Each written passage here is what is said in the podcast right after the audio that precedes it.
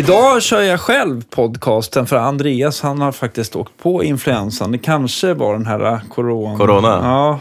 Nej, han, han, var, han spelade på Cirkus igår med uh, Chris Clefford tror jag. Han fick feber. Han hade feber när han kom hem. Så jag vet inte vad han har drabbats av. Men han kanske han har haft ganska hektiskt schema.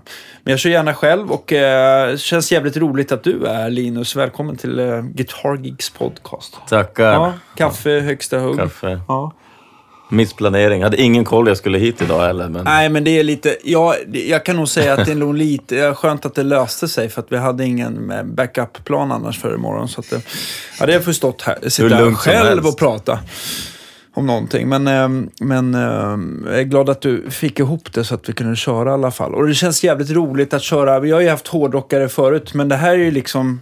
Eh, om vi ser genremässigt så är ju du den som är mest extrem längst ut på, På flanken. på flanken. Ja.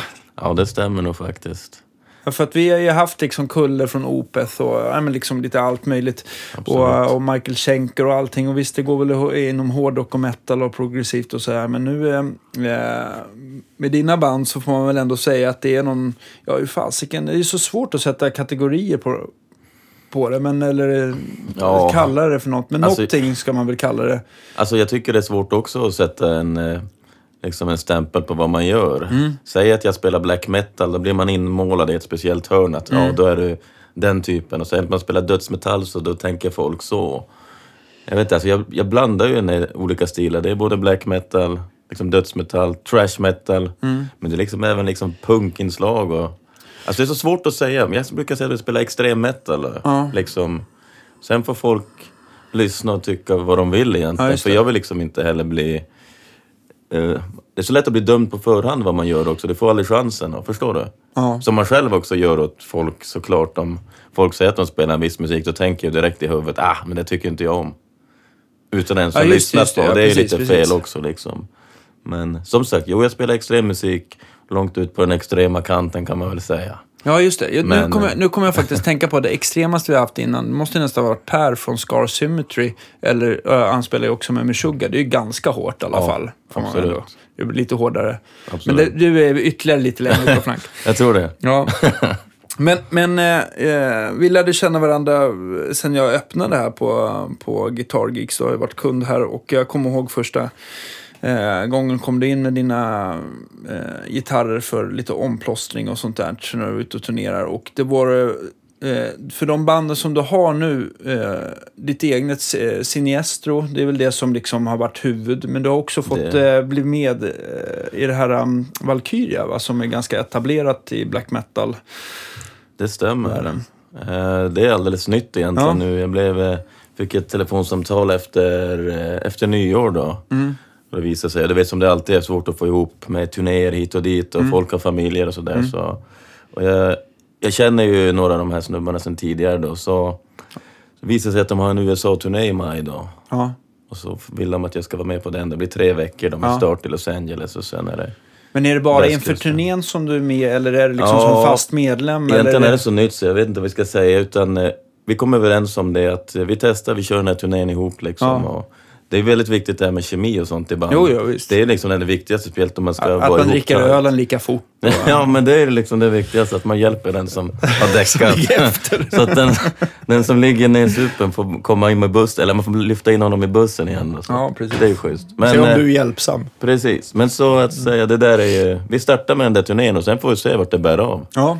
Men som sagt, jag har så många band och det är så mycket och det är svårt att plåstra ihop allting med, som sagt, Siniestro, jag har även eh, Ixi, jag har Blood of Jupiter, så några andra projekt, liksom Järnblod och, och jag skriver musik till teatrar. Så det är, men jag gör liksom mitt bästa för att man vill alltid lira. Men eh, till skillnad, eh, Valkyria, för, till skillnad från de andra banden, där sj- sjunger du inte utan där är du bara som gitarrist. Exakt, ja, ja. men där är jag Ja. bara gitarr. Skönt, eller? Ja, det är skönt. Ja. Jag har samma upplägg i Ixi och Blood of Jupiter också. Det är inte alltid jag sjunger heller. Nej, okej, okej. men, nej, men det är skönt. Jag gillar ju liksom bägge delarna. Men just gitarr är skönt för då kan jag liksom röra mig också på scen på ett annat sätt. Så fort jag har sången blir jag alltid låst. Liksom. Jag måste alltid tänka, oj, nu är jag... måste jag hinna tillbaka till sångmicken eller... Ja, du vill Man inte gillar- ha så här, man vill inte se ut som en sportkommentator heller med någon sån här Nej, headset. och jag gillar ju liksom att eh, röra mig på scen och hålla Ja. på. Så jag gillar ju... Med sången blir man ganska låst. Och, men som sångare, det blir en annan grej också. Du vet att då får du liksom tänka lite också, alltså mer på rösten också. Du vet om du ska turnera länge Mm. liksom. Det är en helt annan grej. Gitarr blir lite friare men... Ah, jag gillar bägge delarna. Jag tänker också sådär, jag kan tycka i alla fall när man, även om det är helt olika genrer så, så tar det alltid lite sådär invändningsperiod att om man lämnar, eh, om man ska lära sig in en ny eh, låt och spela live där man får spela gitarr och sjunga samtidigt så tar det, det är alltid en liten startsträcka innan allting verkligen sätter sig. Har du, jag kan tänka mig din genre som är ändå lite mer så här att till skillnad från rock'n'roll och blues att det är liksom var, variationen kanske är inte på samma sätt. En ny låt för dig, det blir ju verkligen så här rytmiskt och eh, på ett annat, att man liksom så här att det, Ja. det måste sätta sig i muskelminne och sen så lägga på sången. Det känns som att det blir ytterligare en nivå av, ehm, Ja, jag får säga det. av problem så att säga. Ja, jo, jag kan säga Sinestro, det är min största utmaning. Ja. Alltid. Ja. Jag är liksom enda gitarristen, jag ska köra solo och ska sjunga och det. Mm. Plus att det är ganska... Alltså det är inte så jättekomplexa riff, det är liksom inte med tjugg att jag behöver Nej, nej, nej. tänka så, men det är Nej. ganska svåra grejer, trash riff och sånt där. Och rytmen är oftast ganska olika på sång och gitarr och det, det måste jag säga, det är liksom en utmaning varje gång. Mm. Men jag börjar, skriver oftast först musiken och sen sången på. Men sen så lär jag mig allting samtidigt för att Mm. Istället för att först lära mig gitarren och sen lägga på sången efteråt. Förstår du? Mm. Jag försöker göra allting från grunden egentligen samtidigt så att jag hela tiden vänjer mig vid sången kring, kring riffet. Okej, okej. Men som sagt, det jag tycker det är svinsvårt. Jag tycker aldrig det är lätt. Visst det kan vara lätt om man bara kör så här, som du säger, rock eller så här, punk bara så. Men när det blir lite mer komplexa så, så är det så det är klart. Men det är kul. Utmaningar är Ja, fan kul. verkligen. Jag gillar liksom att det måste vara liksom... Fan, annars är det inget kul att bara stå och lalla. Jag vill verkligen känna varje gång att det är Mm. en liten kamp också. Eh, jag har hur många frågor som helst, men en sak som för folk, folk som inte liksom har koll på den här yttersta metal-flanken, om man bara så här kort kan beskriva lite så skillnad mellan black och death och trash och sånt där. Ehm, trash metal tänker jag, då tänker jag så här tidiga Metallica, 80, ja, Kill 'Em All och, och att, det, att det, är liksom, det går ganska fort och är ganska Mm. ösigt och Ja, men lite så här, nästan lite punkig underton i det också. Att det är Absolut. Ganska, det är egentligen en crossover. Ja, Från liksom, det är egentligen de första som började med det där kan man ju säga var Motorhead. ja, Som tog rocken och punken ihop sådär, eller metal och punk, så blev det liksom mer ja. rivet av det. Sen gjorde folk mer snabbare och riff av det, som Metallica och eh, jag skulle ju framförallt säga Slayer. Det är Ja, ju såklart en av mina största inspirationskällor Ja, det, det. någonsin. Och där, det är lite mer ondskefullt än Metallica. Ja, Metallica är ju lite snällare, men Slayer har ju alltid, ända från ja, 83 till idag, alltid hållit samma bana. Det är samma, samma, om man tänker det satanistiska temat, de har lite djävulskänslan i riffen och det går fort. Så de har inte gjort som Metallica och ändrat. Nej. Men eh, det är liksom, så tänker man på trash metal, men tänk tidig Metallica, tänk Slayer på det. Ja. Eh, sen, Men, men, det finns ju också speed metal. Är det egentligen att man tar trashen och ytterligare skruvar Ja, upp tempot lite precis, grann? eller? då, ännu snabbare, ja, precis Ja. som det heter då. Ja. Speed metal. Lite som kanske Megadeth ville göra. Alltså Dave Mustaine, han var ju Ja. förbannad för att han fick sparken från Metallica, eller vad nu som hände. Ja, jo, som- men precis. Men, och då gjorde ju han, hans livsuppgift var ju att göra alla låtar fast dubbelt så snabbt som Metallica. Aha, Typ, liksom. okej. Det var nästan en tävling i hans huvud liksom.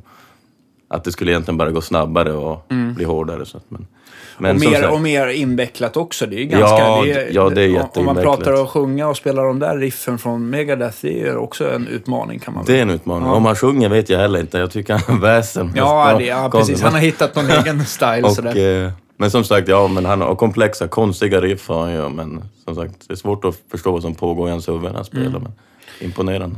Jag tänker så här, Doom också, det har vi ju haft eh, med... eh, med eh, står det helt stilla bara för det. Vi har ju haft eh, eh, Lasse här från...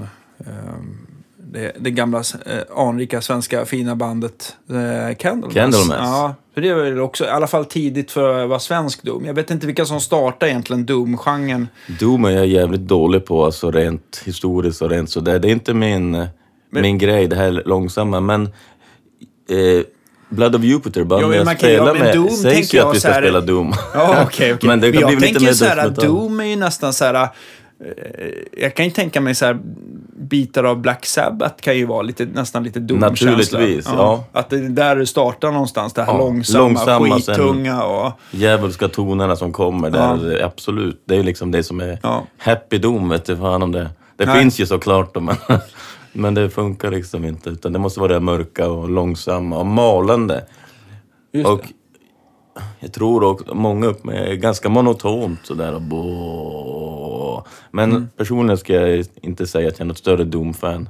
Det är sällan jag lyssnar, det kan vara någon låt här och var. Men Ja, jag har aldrig fördjupat mig i det, det går lite för långsamt. Hur, hur, om man tittar på... Eh, om man tittar på death metal, eh, vilka finns det något så här, någon som drog igång den genren? Eller är det liksom en... Alltså, det där är ju också var, vilka som drog igång vad. Du har ju liksom Florida-sidan från USA liksom med Morbid Angel och Ja, just det. Just det. hela den här som började i slutet på 80-talet. Då. Det var det han, hette han Trey Assagoth eller någonting? Ja, exakt. Gitarristen, Gitarristen. Jag hade hans signerade Flying V som han körde på, som han hade live. Och då var jag inte alls inne på, eller jag körde metal, men då, då jag kommer ihåg att någon sa, det där kan du inte ha på, han är ju satanist typ så här. Och jag, ehm, eh, så att jag, den, jag hade den inte så länge, men det var en ballgitarr i alla fall. Och det var den här klassiska som han hade med ett Ibanez kromat Ibanez-färg som det. körde, som jag Cool. upptäckte att han hade på massa videos sen. Sådär. Mm. Eh, Så det, ja, det är den närmsta Morbid Angel. Tror jag hade någon skiva också med det där. Men det kan Allt det där absolut... började kring Altars of Madness, jag tror det är 88 eller 89. Jag är lite halvdålig på, på årtal sådär. Jag kom bara ihåg att en av låtarna hette Where the Slime Lives. Okej, ja men det är men det är lite senare. Det är, Det är från skivan. Dominator, det är någon gång på... Ja, 90. Ja, mitten av 90 och sånt där. Eller, och jag kan ha fel. men det kommer någon Ja, men- jävel, ja, men vi- någon, som lyssnar på det här kommer bli sjukt förbannad på Ja, mig. men det är okej. Jag säger att det är senare 90-tal. någon gång. Vi- men vi- det börjar bli länge sedan nu också, man börjar bli gammal. Nästan. Alltså, eller jag förstår du vad jag menar? Jo, jo, men jag tänker, jag tänker, alltså, jag tänker också att eh, syftet med, den här, eh, med det här avsnittet var att vi ska prata om dig. Och det blev väl lite så här att det, jag började bara spinna iväg på eh, olika metalgenrer. Det vi hade ju kunnat förberett oss och läst på historien sen, Ja, vilket men vi nej, inte har det- gjort. Utan nu pratar vi lite fritt om det. bara. Precis. Ja, men, det, men sen så, kommer jag med på dödsmetall så har man Ja. den svenska sidan då såklart. Du har liksom Entombed, Ja, just- Unleashed, när allting börjar. Du har Dismember. Ja. Liksom när den här grejen börjar. Och det är då Stockholmsdödsen som, som Ja. heter, du vet det med HM2 och det här. Ja, just det. Som Just alla det. har. Det- det- det- Hör ingenting vad man spelar, kan spela vad som helst på gitarren. Jag tycker, det är helt perfekt. Jag tycker, jag tycker ja, alltså, brutalt. Entombed, alltså, eh, Damn Deal Done från Wolverine Blues. Det är ett av de bästa riffen. Alltså det finns hur mycket bra som helst. Det är låtskatter, låtskatter överallt. Vi bara lyssna in. Att, eh, och egentligen så här, eh, black metal då som, som är egentligen en... Eh, jag skulle inte säga att black och death, de är ju extrema på lite olika sätt så här, men de är inte Mm. riktigt... Eh, alltså black metal går ju oftast mycket snabbare. Och så är det väl en annan typ av sångstil, oftast i alla fall. Precis, liksom- den är ju lite mer... Alltså dödsmetall är mer growlande medans eh, svartmetallen ligger mer i sånt där Väs- väsande läge. väsande Exakt. läge, ja. Och det är mer, tycker jag, mer... Black metal är mer en hel känsla också. Över en... Över hela låt. Alltså det är så svårt. Och black metal finns ju i... Eller det finns ju i alla genrer, men black metal finns ju liksom i 30 olika divisioner också. Liksom, Ja, vilken det, typ just av det. black metal. Och, Just den här tidiga norska varianten med Mayhem och, och, och Precis, sådär. Mayhem, som- Bursum, Dark Throne. Ja, som just- egentligen inte är för, det är ju andra vågen black metal. Det, Ja, ja. Allting började liksom med Venom black metal 1981 där och sen. Jaha, okej, okej. Men så egentligen, men jag är ju såklart, jag är uppväxt med second wave som det heter, men med den norska liksom. Ja, just det, just det. Det är den som jag håller varmast om, eh, alltså i mitt... Liksom, Vilket band är det som liksom har påverkat det mest? Bursum liksom, när Bursum. jag var ung. Riktigt Ja. ung började lyssna på det, så det ska jag säga. Så Dark Throne såklart. Och han spelar väl också alla instrumenten själv, eller? Yes, Ja. allting. Så att, eh, nej men, och mycket det inom black metal, det är ganska mycket så här enmansband. Folk gör allting själv. Nu finns det såklart Man är för mycket jätte- misantrop för att Ja, kunna men samarbeta. grejen är att i dagsläget, folk blir blir för duktiga på för mycket grejer. kan fixa till för mycket i datorn. Fattar du? Jaha, jag fattar. Ja, Men Bättre- de där tidiga inspelningarna Ja, då är ju ganska primitiva liksom. Och du hör att ah, fan, han är inte så jävla duktig på trummor. Alltså, men det är inte där grejen ligger. Men är det inte sådär lite så som de här tidiga ski- norska skivorna, att det nästan gör lika ont äh, liksom genremässigt som att lyssna på dem rent hi, alltså hifi-mässigt? För de Ja, är ja. distar och det är... Ja, ja, det är ju allting Det bara bara rakt av. skriker. Ja. Men jag gillar ju det där. Ja. Alltså, det är, det är en speciell... Det är därför jag gillar att spela sånt där själv också. Liksom. Istället för att ha allting till... Allting blir för överproducerat och för snyggt i dagsläget. Det blir lite för mycket... Ja, du vet ju själv hur det är. Mänskliga... The human touch, Ja, det blir lite för försvinner. uppstädat. Det blir för snyggt och för... Men det är omänskligt helt enkelt. Mm. Det blir sterilt. Så att, ja, men jag lyssnar ju hellre på alltså, gammal burr som är med sig. Gigi Allen, punk, förstår du? Mm. Kan inte ens stämma gitarren, har ingen aning om hur man gör ett gitarrsolo, men typ så här. Nu Ja. kör vi och så bara öser på. Det gillar jag bättre än att lyssna på något som spelas på radion i dagsläget. Ja, men precis. Jag tycker, jag tycker däremot för mig att det kan få vara... Det, jag gillar inte heller när det är för liksom, uppstädat och sådär. Men sen så kan man bli lika, jag kan bli lika imponerad av vissa så här produktioner och band som jag vet att vi har eh, ganska gemensamt i alla fall att vi gillar som till exempel eh, så Vulgar Display of Power och de här att Pantera-produktionerna. Att det är så jävla välspelat. Ja, det det, så- sitter det- som, i- det- sitter som en riktig Precis, sk- skön det är helt keps. sinnessjukt faktiskt. Och där är det, jag vet inte hur mycket, jag tror att de, jag vet inte hur mycket de har putsat i efterhand så här, eller om de bara är så fruktansvärt tajta. Jag tror men- nog att det där var väldigt ett, en, av- alltså, ett av de bästa banden och de musikerna ihop alltså. Ja. Och jag måste säga, det var ju så jag började spela gitarr. Ah, okej, det var så du gled in Det på... då jag gled in, det var ju tack vare Pantera. Jag, jag fick min första gitarr när jag var, säg att jag var sju, åtta kanske, något sånt där. Mm. Men jag, hade så mycket intresse att börja spela egentligen. Jag ville, men det var och, ingen och det som här kunde var i lära. Kiruna, för du är från... Jag är, jag är från Kiruna, Ja, ja. jajamän. Eh, Men grejen är att jag tog några år efteråt. Jag kanske var i min tidiga tonår. Så hade jag hört lite Pantera, så här, några låtar. Så gick jag in på Domus som det hette då. Ja, just det. Såg jag Vulgar Display of Power, skivan och Pantera. Ja, den vill man ju ha bara för omslaget. Ja, jag visst. Knytnäven i ansiktet, det är Ja. stenhårt. Eh, och... Eh, Det var väl Ja. ungefär så det kändes när man satte på den. Ja, men det var ju precis så det var. Och jag hade inga pengar så jag snodde den där skivan. ja, vet, jag var ju 11, 12 eller jag vet Kommer inte. poliser och knackar på Ja, dörren. precis. De kommer väl snart. Men, ja. Eh, Så jag snodde den där skivan då. Eh, eh, och sen drog jag hem, satte den på CDn liksom.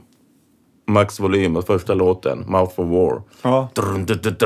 Det där riffet och den energin, man bara Fan! Nu måste jag börja spela gitarr, det är så här Ja. det ska vara. Och sen såklart går det inte att spela Pantera-låtar, det är alldeles för svårt. Även idag, fast jag spelar i 20 år gitarr, så kan jag inte ens få en enda Pantera-låt att låta riktigt, riktigt bra. Nej. För att han var liksom så unik i sättet han spelar. Jag kan spela riffen, men kan inte få det liksom... Och ett helt band ihop och spela liksom, det blir jättesvårt. Ja, men det är som, det är som jag tycker ju att, att jag gillar ju, eh, eller jag gillar massa gitarrister, men framförallt märker jag av mina favoritgitarrister som Dimebag och de här, att de har ganska, de är ganska bluesiga någonstans i, Absolut. i grunden. De har med. så här, de har någon slags så här lite, lite oval, man känner att de har liksom kört ovala eller, eller shuffle att de är duktiga på det där liksom. Och jag, jag tycker att de känner att de har liksom ehm, ehm, Ja, det blir som ett eh, speciellt häng eller en speciellt sätt att spela. Och är man liksom för, lite för fyrkant och matematisk eller, eller inte förstått. Eh, ja, det är jävligt svårt att härma helt enkelt. Jag vet inte, jag Precis. tycker att det där är så jävla svårt att förklara. Men eh, det jag, säkert... jag förstår exakt vad du menar. Ja. Jag, det är just den där bluesen, det är därifrån det kommer. Jag gillar ju bluesiga solon framför, som du Ja, säger. just det. Just den där, är det, även riff, men just solorna. Nej, jag, jag, är ingen, alltså jag är ingen duktig sologitarrist sådär egentligen. Jag har aldrig suttit och det nördat ner mig i otroligt... det pa- skalor. Så här, nej, nej, du? precis. Men det passar ju otroligt bra till, till liksom genren som du gör. Det Liksom. gör det. Och bl- man utgår från bluesen, sen kan man lägga till vad... om man har den som grunden tycker jag. Ja. Liksom. För att, ja, men det, men det går ju inte att komma därifrån att all hårdrock kommer ju liksom från bluesen egentligen Ja. och klassisk musik också Ja. såklart. Men det är klart, det måste ju finnas där. Och jag, jag, är ingen, jag sitter ju inte hemma och lyssnar på ren blues så där direkt, men just som du säger med, med gamla gitarristerna, att det ligger någon blues i det som sen blir jävligt fint. Mm. Och som jag sen har tagit in i mitt lir också. Omedvetet eller medvetet, men jag har ganska bluesig ton i när jag lägger solon och så vidare. Ja, så. precis. Ja, men det är väl nästan så här, jag tänker som när man ska liksom Det är börja... tidlöst. Ja, precis. Men jag tänker ju också så här pentan och, eller bluespentan. Det är väl Ja. lite så här det första man liksom också får klämma på. Ja, så är det där. Men ja. sen behöver man kanske inte göra som Kirk Hammett och göra den varje gång med Wawa sen 83 till idag då. Nej, han är duktig på att använda babba. Ja, jag gillar ju pentan. Han är, han är mjuk i högervristen. Ja. Ja. Nej, men det är inget fel i det, men nej, som sagt, jag gillar det. Jag gillar det där också, absolut. Jag har tänkt så här mycket på just när det gäller eh, eh, Kirk Hammett att fasiken, jag, jag, jag... Ibland så... Alltså han blir alltid så här, eller i alla fall då när man läste gitarrtidningar mycket, att han var liksom framröstad till eh, världens bästa hårdrocksgitarrist, vilket jag aldrig har tyckt. Men, men eh, någonstans så fyller han ju någon slags eh, eh, viktig roll i det där bandet. Som, Naturligtvis. Som, ja, liksom det är lite som Lars Ulrich, det är inte heller sådär så här, fasiken vad man, man blir blown away av, av eh, eh, han är ju inte som, som Winnie Paul i Pantera som trumslagare eller Dave Lombardo i... Nej, men det var någon som sa åt mig, tror du inte det är så att de skulle inte ens kunna skriva några låtar eh, med någon annan trummis nu? Det har gått så länge. Ja. Så att jag tror inte... De har, de har som... eh, Vad heter det? De har anpassat sig så mycket att det skulle inte ens gå att byta ut honom mot en om man ska säga en, riktigt tekniskt duktig trum. Eller ja, Men jag, vet tyck, inte. jag men- tycker lite så här att, att sen, Alltså min, min, lite så här när man tittar på liveklipp, jag gillar att titta på liveklipp, eller så här inspelade YouTube-klipp med olika band och sådär. När man ser Lars spela, det är liksom, han är ju verkligen inte som Phil Rudd i AC/DC att han liksom, han ligger ganska stadig och att det kommer någon crash ibland och eh, ganska, eh, alltså det är Nej. skitsvängigt va. Men, Nej, men jag tycker Det- han så här, han är lite så här, han tänker, han tänker till och han följer sången och, eller gitarriffen. Ja, precis, det det. det blir väldigt så här mycket som, det blir ju unikt. Det ja det coolt. blir ett ja, helt annat Jag sätt håller att med spela. att det liksom. var, alltså just i början, de första skivorna såklart liksom som... Det är ju klassiska skivor och jag menar jag... Jag gillar ju Metallica än idag liksom. Ja. Jag gillar även liksom 90-talets Load och Reload. Ja. För det var ju, det är nästan de första skivorna för mig genom att jag var ju inte ens född när Kill 'Em All kom. Nej, Så att, och sen har man återupptäckt dem efteråt. Men Ja, just det, just bland det första jag lyssnade på Metallica jag var liten var ju liksom Load och Reload. Mm, sen fick man gå tillbaks för att som sagt jag var ju knappt ens född när de där första kom. Men, eh, men nej, Metallica, det går liksom inte att förneka deras storhet och Nej, hur nej. mycket det betyder. Och jag skulle säga James Hetfield är en av de bästa gitarristerna på, alltså i hela världen. Sättet han spelar med sina downstrokes och han är så tight och han sjunger samtidigt. Han rankar ju tio gånger högre än Kirk Hammett. ja. Men eh, James Hetfield tänker folk inte på vilken jävla gitarrist han är. Det är Nej, sjukt alltså. nej, han får lite för lite cred där, men det är Ja. självklart, jag håller verkligen med. Och, och uh, sången passar ju uppenbarligen i... i, i uh, eller ja, han är skitbra överhuvudtaget tycker jag. Um, vad fasiken, sen man ser klipp på honom när han verkligen tar till, det är ju inte, det är inte så att han spelar solon i varje låt, men ibland så slänger han in någonting så är det ju alltid liksom musikaliskt och bra tycker Ja, jag. ja, det är ju sjukt bra alltså. Lite- Imponerande alltså. Ja, inte eller... Kirk, det känns ju som att han liksom bara, det rasslar till någonting och sen så är det, ja, med lite wawa över. Precis. Ja. Och, alltså, för mig personligen har jag aldrig liksom... Det här med vem är världens bästa gitarrist hit och dit Nej. och hur fan ska man... Alltså det är bara en smakfråga. Ja, jag kan ju inte säga att du har man- fel för att du tycker det. Ja. Nej, men, Men, eh, och för mig är det mer känslan man har på gitarren. Inte hur snabb man är. Eller något. Det är liksom attityden och allting liksom, som bara vissa alltid har. Förstår du? Ja. Och sen att de inte är de mest tekniska eller snabbaste, det kan man ju det, inte... det är lite så här som folk frågar efter overdrive och distpedaler, vilken som är bäst. Här. Det är så mycket som Vad är skillnaden? Ja, vad är Jag skillnaden? vet vad ni inte- Alltså det är ju som sagt det sammanhanget med stärk och gitarr och vad före och efter, vad som, att det passar eller inte. Så det, det är inte... Ja. Nej, det, vi kan fördjupa oss just i den jämförelsen någon annan gång, men jag, jag håller med verkligen. Men eh, Kirk, vi kan väl i alla fall eh, sammanfatta att han passar bra i, i den konstellationen. Absolut. Ja, ja. Så är det. Men eh, vad hände sen? Du, du, du snodde en Pantera-skiva. och blev helt blown away. Ja. Eh, vad, vad, och sen så, vilken blev den första liksom, elgitarren du skaffade? Ja, då hade jag någon gammal, alltså jag fick ju den första... Sno, snodde du den också? Nej, eller? nej, den fick jag av, av min farsa faktiskt när jag Ja. var så här sju, åtta, jag kommer inte ihåg. Men Ah, okej. Det var en sån här Hobbex-gitarr såklart, du vet så här, med, med stärkare och, Ja, just och det. en sån där paket. Ja, som klassiskt var det 10 watt stärkare och någon riktigt dålig gitarr som aldrig går att stämma. Nej, okej. ja. Men när man liksom börjar spela gitarr så det spelar man ingen roll om man kan stämma den eller inte, för man hör ju ändå inte skillnaden typ. Nej, precis. Eller man hör att det låter, men förstår du? Det är, Ja. Försöker bara få in rytmen och det där så att... Eh, Ja, men det här första känslan man kommer ihåg, det första mötet med en bra distpedal. Eller en bra diststärkare, det, är ju stort det var ju alltså. då, då, sen kom jag, då köpte jag ju såklart eh, en metal zone. Du Ja, vet det. den där Ja. klassiska, det låter, det låter likadant överallt. Den kan liksom rädda dig vart du än är. Är du ute på en spelning och en dålig stärkare, bara tryck i en sån där metal zone. Och du Men har du alltid en metal song med dig? Nej, oftast, eh, ibland har jag haft det någon gång, men eh, oftast får man ju koll på vad det är för backline som Ja. finns och där, så det, det är rätt lugnt. Ja, men vi, vi kommer till backline Men, eh, och allt vad, allt Men som sagt, jag köpte den där metal zonen såklart. Sen var det bara, så insåg ju direkt att oj, det här Pantera, det är bara att glömma. det är några år bort kanske, eller? Ja. Som sagt, jag är inte ens där än idag, 20 år senare. Typ. Nej, men, så jag började kanske lite lättare med så här punk och lite Nirvana, du vet. Så här, och, ja, du vet det där grunge. Eller ja, Mm. Ja. bara för att få in och... Punk har jag alltid gillat också, liksom. Jag är uppväxt med punk. Så det, det kunde jag ju lära mig lira. Och, Mm. och eh, sen vart det mer och mer avancerat. Då vart det liksom, kunde man testa sig på lite Metallica, Slayer och så vidare. Så. Vil, vilken punk har stått dig närmast? Har det varit liksom här New York Ramones eller har det varit den brittiska eller vad?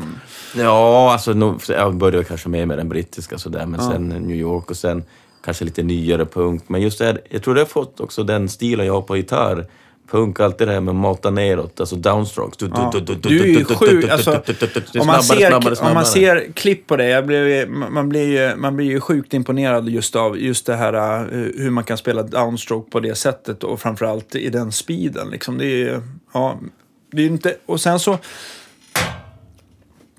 jag tänker så här, vissa black metal-trummisar som, som, som spelar asfort så är de ju ganska lätt i touchen sådär. Ja, för att precis. orka Bläsa, med. exakt. Ja. Men det här är ju liksom, det är ju fullt jävla, det är fullt eh, bryta, bryta plektrum med attityd på varenda slag som du kör. Så Ja. jag vet inte fan hur jo, du alltså, lyckas. Det har liksom blivit det för att det är, den, det är så jag lärde mig. Liksom. Ja. Och det kom, jag kan inte spela på något annat sätt. Man spelar, jag brukar säga att jag spelar som en skogshuggare. Liksom. Jag är ingen finlirare överhuvudtaget. Eh, och det här kommer liksom, jag, jag behöver liksom den kraften för att mata liksom, Ja. sådär snabbt. Och, och jag vet inte riktigt, det är bara den stilen jag kör. Och jag har alltid Mm. tyckt att varför ska man köra upp, ner, upp, ner? För att du förlorar ju, du hör ju på gitarren om man inte kör neråt. Ja. Det hörs ju, man förlorar den här attacken och, och grejen, förstår du? Tänk, tänker du mer om man tar liksom som, som eh, alltså, eh, Alltså ett ackord med ett, med ett, eh, ett, eh, ackord eller, eller, för där blir det verkligen skillnad med upp och Ja, ner, tänker nej, jag Men- tycker men- på allting men- blir det skillnad. Även men- om du bara jag- kör en lös sträng och Ja, kör. Så jag försöker ju hela tiden, jag kör ju alltid neråt så snabbt, så länge jag kan. Mm. Sen så får man ju såklart gå över till, till lite upp ner. Men, nej, och det där måste jag säga, som sagt det kommer från punken, men det måste jag även en gång till säga James Hetfield, Metallica. Sättet han kör på, han kör ju alltid downstrokes. Titta på när han lirar liksom, det är liksom nio av tio gånger bara downstrokes. Medan Ja, titta på Kirk Hammett, han kör oftast ditt, ditt, ditt, ditt, ditt, tvärtom. Han kör lite mer lägerelds... Ja, precis. Men, eh, ja, men det är alltid den stilen jag haft och det är där, det är där jag, jag vet det är många som säger det. Fan, det är helt jävla sjukt. Hur fan kan Ja, man jag spela sådär heller. och Det är- slå så hårt ja. liksom. Men Ja. Nej, det är bara den stilen jag har. Det är så, jag kan inte ändra på det. Men är det också så här ganska, för att köra den där stilen, får du gå till tunnar eller är det full tjocklek på plektrumen? Eller? Ja, jag har full, eller en 14 har jag, så det är väl ganska normalt eller? Ja, någon sån här heavy, det beror på lite vilken typ av plast det är liksom. kanske ja, också. alltså jag har gått över, blir tjockare och tjockare hela tiden. Ja. Men det är också Men är det för att du maler ner dem så snabbt eller? Nej. Nej, det, jag vet inte. Det, äh, jag vet inte, jag har bara vant mig som tjockare och tjockare. Jag har aldrig gillat så här tunna plektrum. Jag har kört från början, kring, från 88 till eh, 1.14 och sånt där. Det är där jag ligger. Vi- Vilken, eh, en 14, det låter som att du använder någon form av Dunlop-plektrum då va? Ja, nu har jag ju egna plektrum. Ja, just det. Mm. eh, Som är, men de är baserade på den här Dunlop, exakt. Ja. De här, vad heter de, Tolex eller Tor... Ja. Ja, precis. Jag Men är, är, de, är de eh, blanka eller? Ser du, där har jag ah, ett. så där ska vi ett. sätta upp på våra Hall of Ja, den Fame. där ska du få såklart. Tack, tack, tack. Eh, ja, men det här är väl, jag tänker att det här är väl som motsvarigheten de, de lila, va? Exakt. Ja, Ja. där har vi det. Tolex, ja. Ja, Tolex eller vad de heter, Gator eller ja, Men det Jag är har Dunlop säkert det här i min, eh, min eh, hemliga låda. Men som sagt, det där var första plektrumet, den, här, eller den där typen av plektrum jag började spela på. Mm. När jag var, ja som sagt, där. När jag började spela gitarr och sen har jag alltid fastnat vid den. Ja, det blir sån där gillar det här- vanesak. det här är ju Jag kanske lika som gärna hade själv. kunnat ja, ha någon annan form av plektrum eller, förstår du? Men jag har alltid haft den där från början och då blir man ju så här inte vidskeplig, men vad heter det? Man, vad fan ska jag byta det här för? Det är ett vinnande koncept. Ja, är det är sant. Eller... Men som sagt, allting, allting med, som har med, jag tycker med gitarrspel och med utrustning, allting är så här personligt. Hur man själv tycker. Mm. Och bara för att någon annan tycker det där är bra så kommer det inte funka. Jag har alltid tyckt, speciellt mitt eget gitarrspel, jag, sällan jag spelar covers egentligen så är det lärt. Jag började ganska på en gång skriva egna låtar och försöka Mm. göra. Istället för att försöka härma någon annan. För Eller insåg jag ganska jag snabbt att det går själv, inte. absolut. Han kan bara låta så, han kan bara låta så. Och sen Det, man det ska blir sno så mycket man kan av alla Ja, precis. Men så det gör man det till man, sitt man, eget. man tar ut lite så här känslan från Ja. olika gitarrister och blandar in det i sitt eget. Så för det är Yes. väl det som formar en som gitarrist, att man tar inspiration från Eh, eller det måste vara så, för jag tror inte man kan upptäcka allting själv utan att lyssna på någonting annat. Nej, och, och sen vissa är annorlunda som vissa kan lägga sex månader på att ta ut alla Iron Maiden-solon på gitarr för att Mm. kunna spela dem exakt så som de gör dem. Bara för att, ja men det har jag lust att göra men jag har aldrig liksom, jag använder heller sex månader att skriva egna låtar eller kanske, förstår du? Mm. Ja. Det är bara hur man, hur man liksom vill fördela sin tid vad man tycker är roligt. Men för mig har det alltid varit viktigt att skriva egen musik. Mm. Snarare än att försöka lära mig spela någon annans grejer. Men, men hur var det så här, att bilda band och sånt där eh, back in the days? Hur, eh, var det I Kiruna? högst- Ja. Men, Ja, men äh, Kiruna, eller andra småstäder, det är, jag måste säga Kiruna är otroligt vad det, fan, det finns musiker. Ja. Inom alla genrer, metal, alltså du vet blues, pop, rock. Duktiga musiker liksom, Ja. överallt. Och det blir som en liten kärna av folk och vilken fest du än går på efterfest, vem som helst kan ta upp en gitarr och bara lira. Liksom alla är så, eh, jag måste säga det, jag tror att det ligger lite, det är inte bara Kiruna såklart, utan det är väl alla småstäder runt om i Sverige. Där det inte finns kanske så mycket att göra. Eller så mycket, an- ja men exakt, då har liksom folk tid att lägga ner lite med sin själ i, i musiken. Så att eh, det har alltid funnits mycket duktiga musiker så där i Kiruna måste jag säga. Men sen blir det såklart, det är inte så mycket folk så det blir inavel mellan alla band. Och, Ja, fast det är det i Stockholms hårdrocksscen också, vet. alla spelar i alla band nu. Som jag spelar in flera band och Ja, ja, flera precis. medlemmar. Men småorterna blir det ännu mer då. En trummis, han får ju spela i elva band då, såklart. ja, precis. Så att, eh, men ja, vi fick väl ihop lite band där med några kompisar. Vi började med, fan var det första som jag joinade, Johnny Mögel. Okej.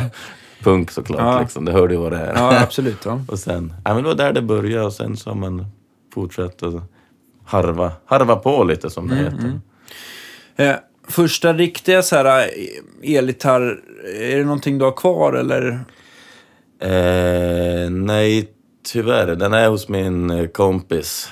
För Den är uppe i Kiruna fortfarande. Mm. Ja. Ja. men, ta bort den här eh, första Hobbex-gitarren. Ja, ja precis. Ja, den. Så sen så köpte jag en LTD. alltså som är ESPs... ESS eh, billigare. Ja, Ja, en M100 tror jag den hette, en svart. Så, så då är det så här Som- lite superstratta? Med, men ja. det var ju Floyd då. Ja, just det. Så att egentligen min första riktiga gitarr då var med Floyd. Jag vet Ja. inte hur jag hamnade in på det, men det var ju såklart för att Dimebag hade Floyd. Och även Slayer, fast Slayer kör ju med Kaler då, men samma flytande, ja. Eh, så att då, jag gillar ju den här typen av squeals och Ja, just just det. och- Så då var det, ja men då måste jag ju ha Floyd på min då. Mm. Och många hatar ju Floyd. För att, ja det är krångligt hit och dit. Och, men ja, det, är, jag har ja, alltid- det, det är jag väl ingenting gillat- som man alltid så rekommenderar som första gitarr? Nej, och- det är ganska extremt. som- nybörjare och ta bort alla strängar och sen så stränga upp det med nya strängar. Det kan ju, det ju mycket som kan gå fel. Absolut. Ja. Jag kommer inte riktigt ihåg hur fan jag lärde mig byta strängar på den där. Jag undrar om det var en, min kompis som också... Han, var- han, var, han var... Han hade börjat spela gitarr kanske ett eller två år innan mig. Ja. Så han, var lite, han hade lite försprång på mig och lite bättre koll på grejen.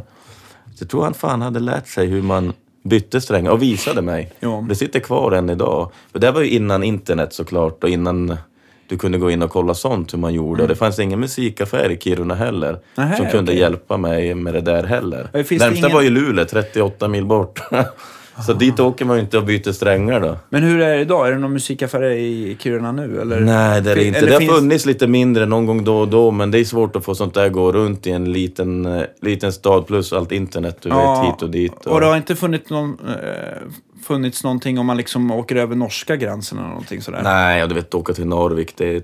Nej, det är inte... Det är inte det blir dubbelt så dyrt också Ja, att åka ja, det är till sant, Norr- det är sant. Men fan åker dit.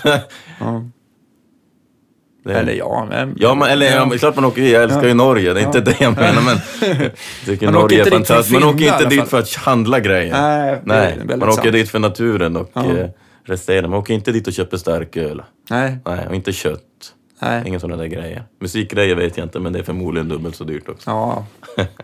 Ja, men vi kan Men, konstatera eh, att det är mer eller mindre dyrare i alla fall. Att, då gillade man, då åkte man ju, när man åkte ner till Stockholm då, då när man var yngre, kanske vet jag, men 12, 13, 14. Ja. Hamnade alltid här någon gång då och då på någon spelning eller sådär. Ja.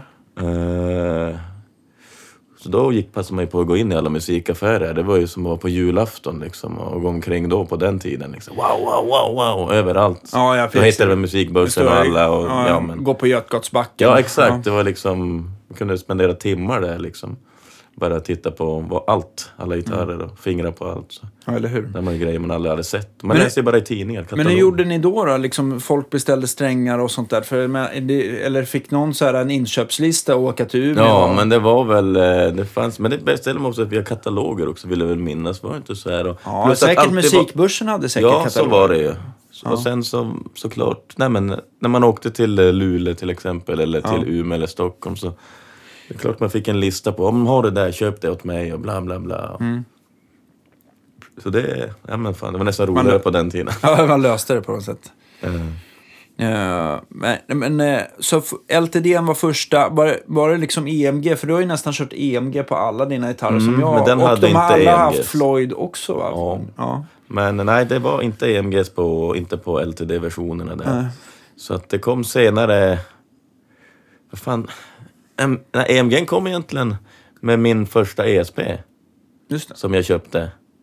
Så att eh, innan, jag vet inte vad de där LTD, de har väl någon vanlig EM, eller vad heter det, ESP-mick av något slag. Och, men jag tror jag bytte det där till, jag bytte till Dimebags för han hade Bill Lawrence. Bill Lawrence eller... XL de hade väl också 500, något hette som den hette... där? Ja, precis. Det var fan den. Ja, de he, äh, precis. 500, sen finns det väl L och XL och så här beroende lite på Exakt. Men, fan, det där ehm, saknar jag. Jag har varit så sugen i säkert nu tio år på hur fan låter de där igen. Ja, men de är coola. De har ju extremt... De har ju, de har ju lite mer toppen, de flesta så här high output-mickar. På Ja. grund av att de har en ganska smal, som en smal eh, magnet som går, bladmagnet som går, eller kan man kalla det blad? Railmagnet eller någonting sånt där som, som går från, från E till E. Och den, den gör ju att eh, fönstret blir lite smalare hur den tar upp strängen. Så det brukar generera lite mer, lite mer diskant. Okej. Så att de har ju en jävla output. Vi får helt starka enkelt ta och trycka in ja. i någon av mina gitarrer Ja, nu. men gärna. Fan, det är så, ja, man blir så insnöad på det Ja. EMG bara för att ja, men nu vet jag och det funkar. Och, Jag, är lite, jag har lite dålig koll nu, men jag vet ju i alla fall att Uppsala musikverkstad tog in någonting som heter Keystone, som jag tror var en, alltså, alltså att, eh, vad Bill Lawrence blev sen. Jag, och nu vet jag inte om det är Keystone som finns eller om det är Bill Lawrence som har återuppstått. Jag tror att Lawrence, Bill Lawrence finns numera. Men sen så vet jag att även att Seymour Duncan har väl gjort någon Dimebag. ja, Dimebucker eller Ja, vad han precis. hette. Jo, han, de höll ju på med massa grejer precis innan han eh, blev skjuten. Ja, så egentligen, jag tror den här Dimebucken kom ut efteråt samtidigt som hans nya signaturer också med... När han gick tillbaks till Dean. Ja, Han har varit på Washburn i flera år så att när allt det där hände så liksom... Ja, det var ju såklart mer chock och allt det där men det var så konstigt. Sen kom det massa grejer som han aldrig ens använda tror jag på några Nej. inspelningar eller så. här. Det har varit liksom bara så jävla konstigt abrupt slut på allting. Så, Mm. så jag, har, ja, jag har aldrig testat det liksom, när Dimebuckers eller någonting heller Nej, efteråt. nej, de är balla faktiskt. Men, men ja, det kan vi prova. Och så, då ska man väl ha en eh, 59 i halsen om man ska Exakt, vara korrekt. Ja, Korrekt ja. korrekt med honom. Men på tal om Dimebag sen. Ja. Nästa gitarr jag köpte då För jag tänkte, då började man måste ju ha flera gitarrer såklart. Ja, ja, såklart. Då köpte jag en sån där Washburn då, signatur som Dimebag hade. Kommer ihåg som ser ut sådär? Mm, ja, men det, din, i, om det är en din nu så heter den ju väl ML va? Exakt, men- ML men, heter. Jag eh, kommer men inte ihåg vad- Washburn, då hette den bara Dime. Ja, precis. Genom att de hade inte Ja. den modellen innan. Och då köpte jag också någon billigare variant av, eh, av hans signatur då. Vill jag, um, jag kommer inte ihåg. Ja, men det, det fanns väl Korea eller, Ja, eller exakt. Washburn USA, USA, då. ja. Det blev väl... Det, det Så var det var ju ganska- samma, en sån här billigare modell som min, som min eh, LTD då. Ja, precis. Washburnen den, vill jag minnas vi hade fest så den rök i golvet från taket tror jag Ja. någon gång. så den varit lite skadad. Blev, såg mer ut som en flying, flying V. Ja, ungefär. Oh, fan. Nej, jag har det- sabbat så många av mina gitarrer. Men, eller, inte sabbat, men de har fått mycket stryk. ja, jo, jo. Det har vi Jag har ju sett. en historia, har du hört den när jag kastade min ESP genom fönstret i Schweiz också? Nej, den har jag inte hört. Berätta. Nej, jag var i Schweiz, det var där... eh, Och det här är din den här eh, som är... Det här är min ESP. Ja, M-varianten med Exakt, kamolack. med kamolack. Ja, ja. Som är den som gjordes någon gång kring 2004-2005 i några upplagor. Ja. Som är baserad på Jeff Hanneman från Slayer. Ja, just det, det just som det. skiljer egentligen endast är Kaler. Men det är Floyd på min istället. Ja, just det. Och Sen har ju han hade- några inlays Han, han har väl de här SS-inlaysen som har, som har väl varit ett lite så här... Det har mer ju folk mindre... blivit skitnödiga av. ESP själva han ju göra ett par stycken av dem där. De skulle göras i en viss upplaga. Innan någon drog i handbromsen och bara åh vad fan håller vi på med? Så att Ja, men det blev, kom lite, inte ut det blev lite för... Det var väl för mycket med rasism och sånt där. Ja, som, det- sen det- vet jag inte om Hanneman var nazist, men det var väl... Ja, det vet väl bara han själv då Ja, såklart. precis. Men, nej, men de, har- det Slayer har ju alltid haft det där temat med krigstema hit och dit. Och det Ja. är inget konstighet om Nej. man tittar på allting. Så att, ja, men eh, eh, nog om det. Så att eh, så de, eh, eh, de gitarrerna som hade planerats blev inte så många utav. Nej. Och sen så blev det en Och annan. de är väl säkert pissdyra. ja, de kostar hur mycket som helst. Jag har sett att de säljs ibland på Ebay och sådär. Svincoolt men ja, då får Men man ju det hosta upp. Jag, jag, jag har för mig att det är typ den. Jag har, jag har, haft, jag har meckat med en sån när jag jobbar på Deluxe. Men jag har för mig att den och den här, om man hittar någon sån här sen 80-talare Explorer som typ som eh, Hetfield använde. Mm. Typ i One-videon eller någonting sånt där. De kan ju gå sjukt dyrt också. Så, Ja, nej så, så det, är det. det är liksom, eh, förvånar mig inte om det är runt 50 liksom. Nej, jag har sett, jag har inte ens, fan det är 60-70 någonstans. Ja. Speciellt såklart efter här när man dog här. Ja, just det, just det. Eh, så han dog ju 2013 så då blir det ju ännu mer värt liksom allt Mm. sånt där. Alla sådana där gitarrer. Nej men de dyker upp ibland då och då men ah, det är jävligt mycket pengar. Verkligen. Eh. Eh, det är ingenting man slänger ut genom fönstret. Berätta hur. Ja, nej, det... Eller jag hade ju glömt nyckeln. Skulle flyga hem dagen efter liksom. Jag varit där i fyra veckor och jobbat med en teater skrivit musik. Så ja, ingen nyckel, eh, såklart ganska berusad. Ja. Det var ju slutfest och så att, ja okej, vad gör man då? Ska jag flyga om några timmar eller jag måste snart till flygplatsen? Ja. Så va- varför tar jag inte bara caset eller någonting och kastar? Nej, jag tar ut gitarren ur caset, sopa in den genom rutan, öppna dörren och sen, ja. Men den höll. Men den höll? Ja, ja, den höll. ESPs... Alltså det, den har lite, Jo, men lite stryk har den ju fått uppe på skallen. Lite här. glas som sitter inne. Plus lite annat, men nej, men ja, okej. Ja. Det var kanske inte det smartaste jag har gjort i mitt liv, men det, fun- det funkar igen. Och den har fått mycket stryk, gitarren där. Du har ju till och med tvättat den en gång åt Ja, mig. du det skulle du aldrig skitförbannad. gjort. Då vart jag förbannad. Ja. Om man lämnar en gitarr på Ja, men- intonering, va? Nej, men det, ja, precis. Man lämnar in den för intonering så tänkte jag, men jag kan putsa av den. Lukta, lukta lite järn om den. Liksom lite blod. Ja. Ja. Eh, men det, det, det misstaget gör man ju inte om igen såklart. Man lär sig. Men det var... Eh, men sen så har du ju kört, förutom... För det har väl nästan varit din huvudgitarr, den Ja, ända sedan va? jag köpte den. Jag köpte den bäggad då 2000, säg att det var 2006 Mm. kanske. Sen har jag egentligen haft den på varenda spelning sedan dess. Inte varenda spelning, men åtminstone 90 procent av alla fall. Det är liksom den gitarren, eh, ända sedan jag känd, höll i den första gången. Jag har aldrig känt något mer. Som jag bara, wow. Ja. Den där vill man ju Men de är liksom... ju svinbra. Men... Det är som man vill gifta sig med den och begrava sig med den. Ja. Det blir liksom, men du vet ju själv med en gitarr man verkligen känner sådär. Att wow. Ja, precis. Jag har ju den som... Det är väl några... Nu har jag inte så mycket gitarrer kvar, men den där Strattan och eh, den är väl den sista som... som eh, men kanske jag får begrava mig med. Ja. Vem Nej, vet? men exakt, men det är den känslan. Och alla har ju sin egen gitarr man känner så till. Men, men, det är på, men i alla fall, de som, gitarrerna som jag har meckat med, då har du ju typ kört EMG 81 och 85. Yes. Och det, det är väl egentligen att det blir liksom... Många kan ju tycka att de är lite platta och tråkiga, men Ja. du har ju upplevt att, att den här kompressionen och den här, det den gör ändå Mm. har varit liksom ett, inte ett måste, men det har varit... Ja, nästintill. Eller inte, men som sagt, det beror på om visst om man ska hålla på lite med volymratter och ha mycket dynamik och kanske Ja. gå lite halvdist sådär. Ja. Sån gitarrist som använder lite mer sånt så är ju EMG ingenting att ha. Nej. Du ska inte sitta och spela blues och sådär och det går inte att få någon. Men liksom till den här med extremare mer från trash till black metal, egentligen bara ska vara plöjande tycker jag det är kanon. Och framförallt live också, det är väldigt lätt. Du får alltid det där ljudet. Live är svårt, du vet inte vilken ljudtekniker du har det. Är ganska lätt för en ljudtekniker att jobba också. Du vet att Så- här så- kommer ett rakt... Så EMG genom en metal zone, då vet man. Ja, då är ja fast jag kör ju inte med... Nej, det, oj oj. Fan, jag, nu kör jag bara... Den stärkardisten är ju den viktigaste. Jag har aldrig förstått det där nu. När jag var yngre så när man, då hade jag liksom äh, metal zone, men efter det har jag bara kört stärkardist.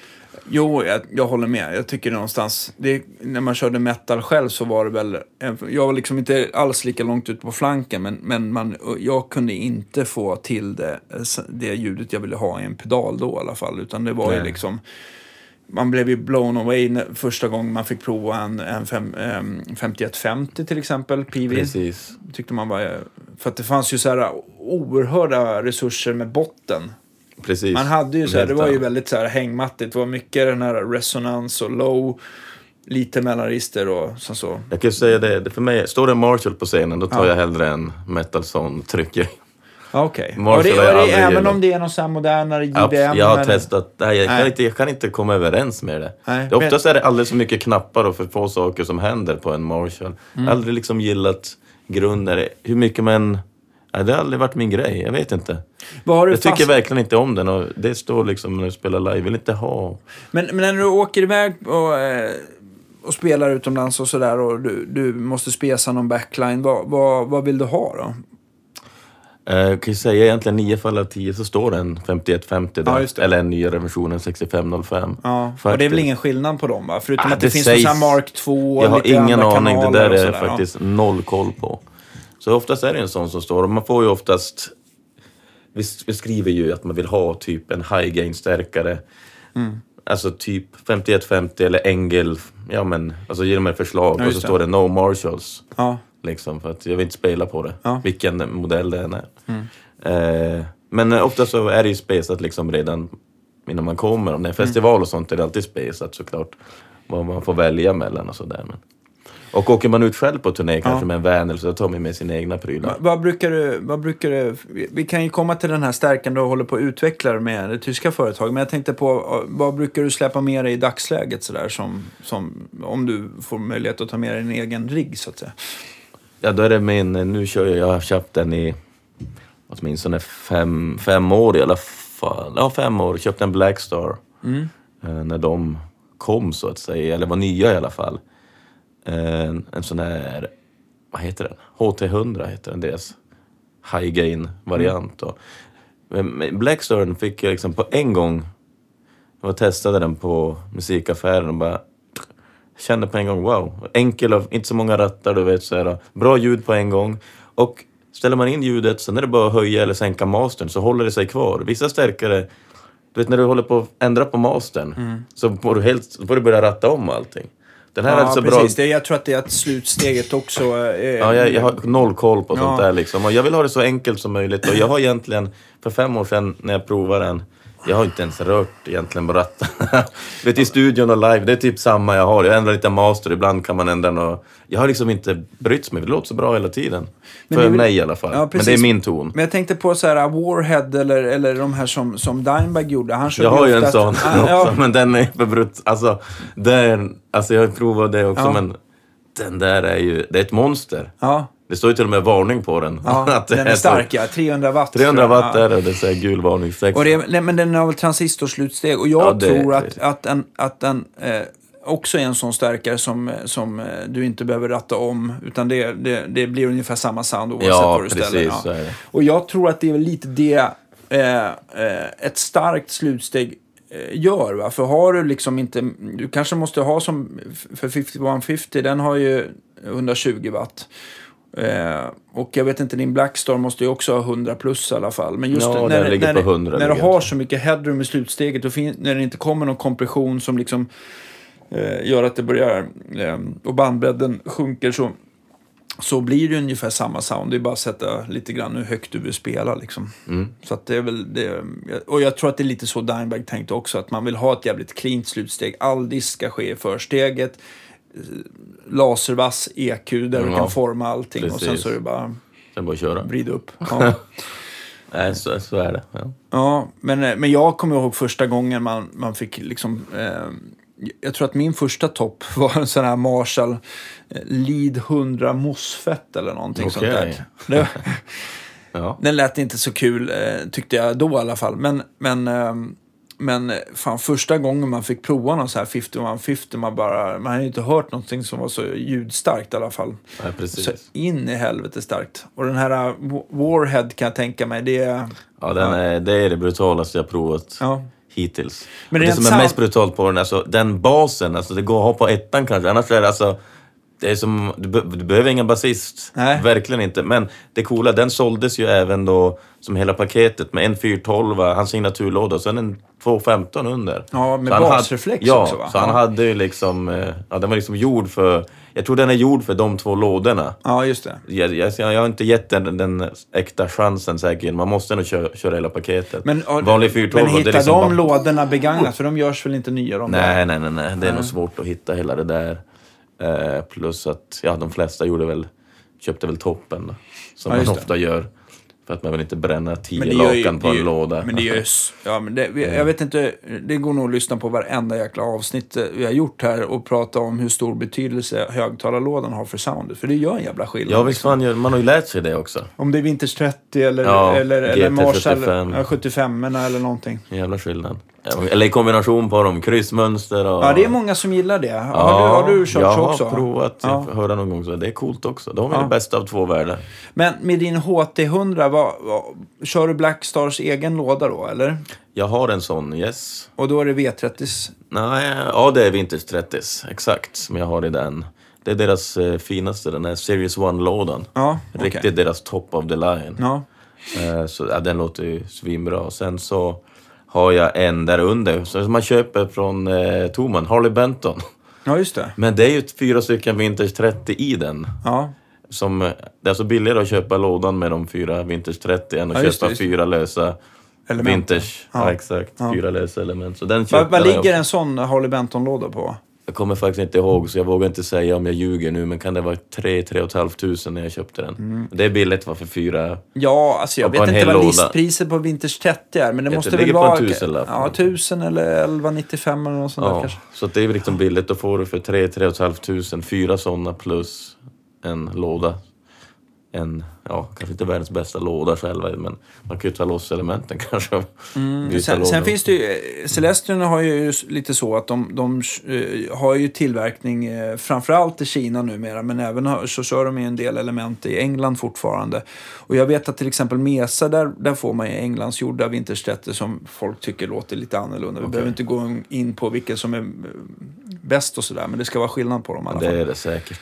Jag är så, alltså just sådana här nörderier är jag väldigt dålig i.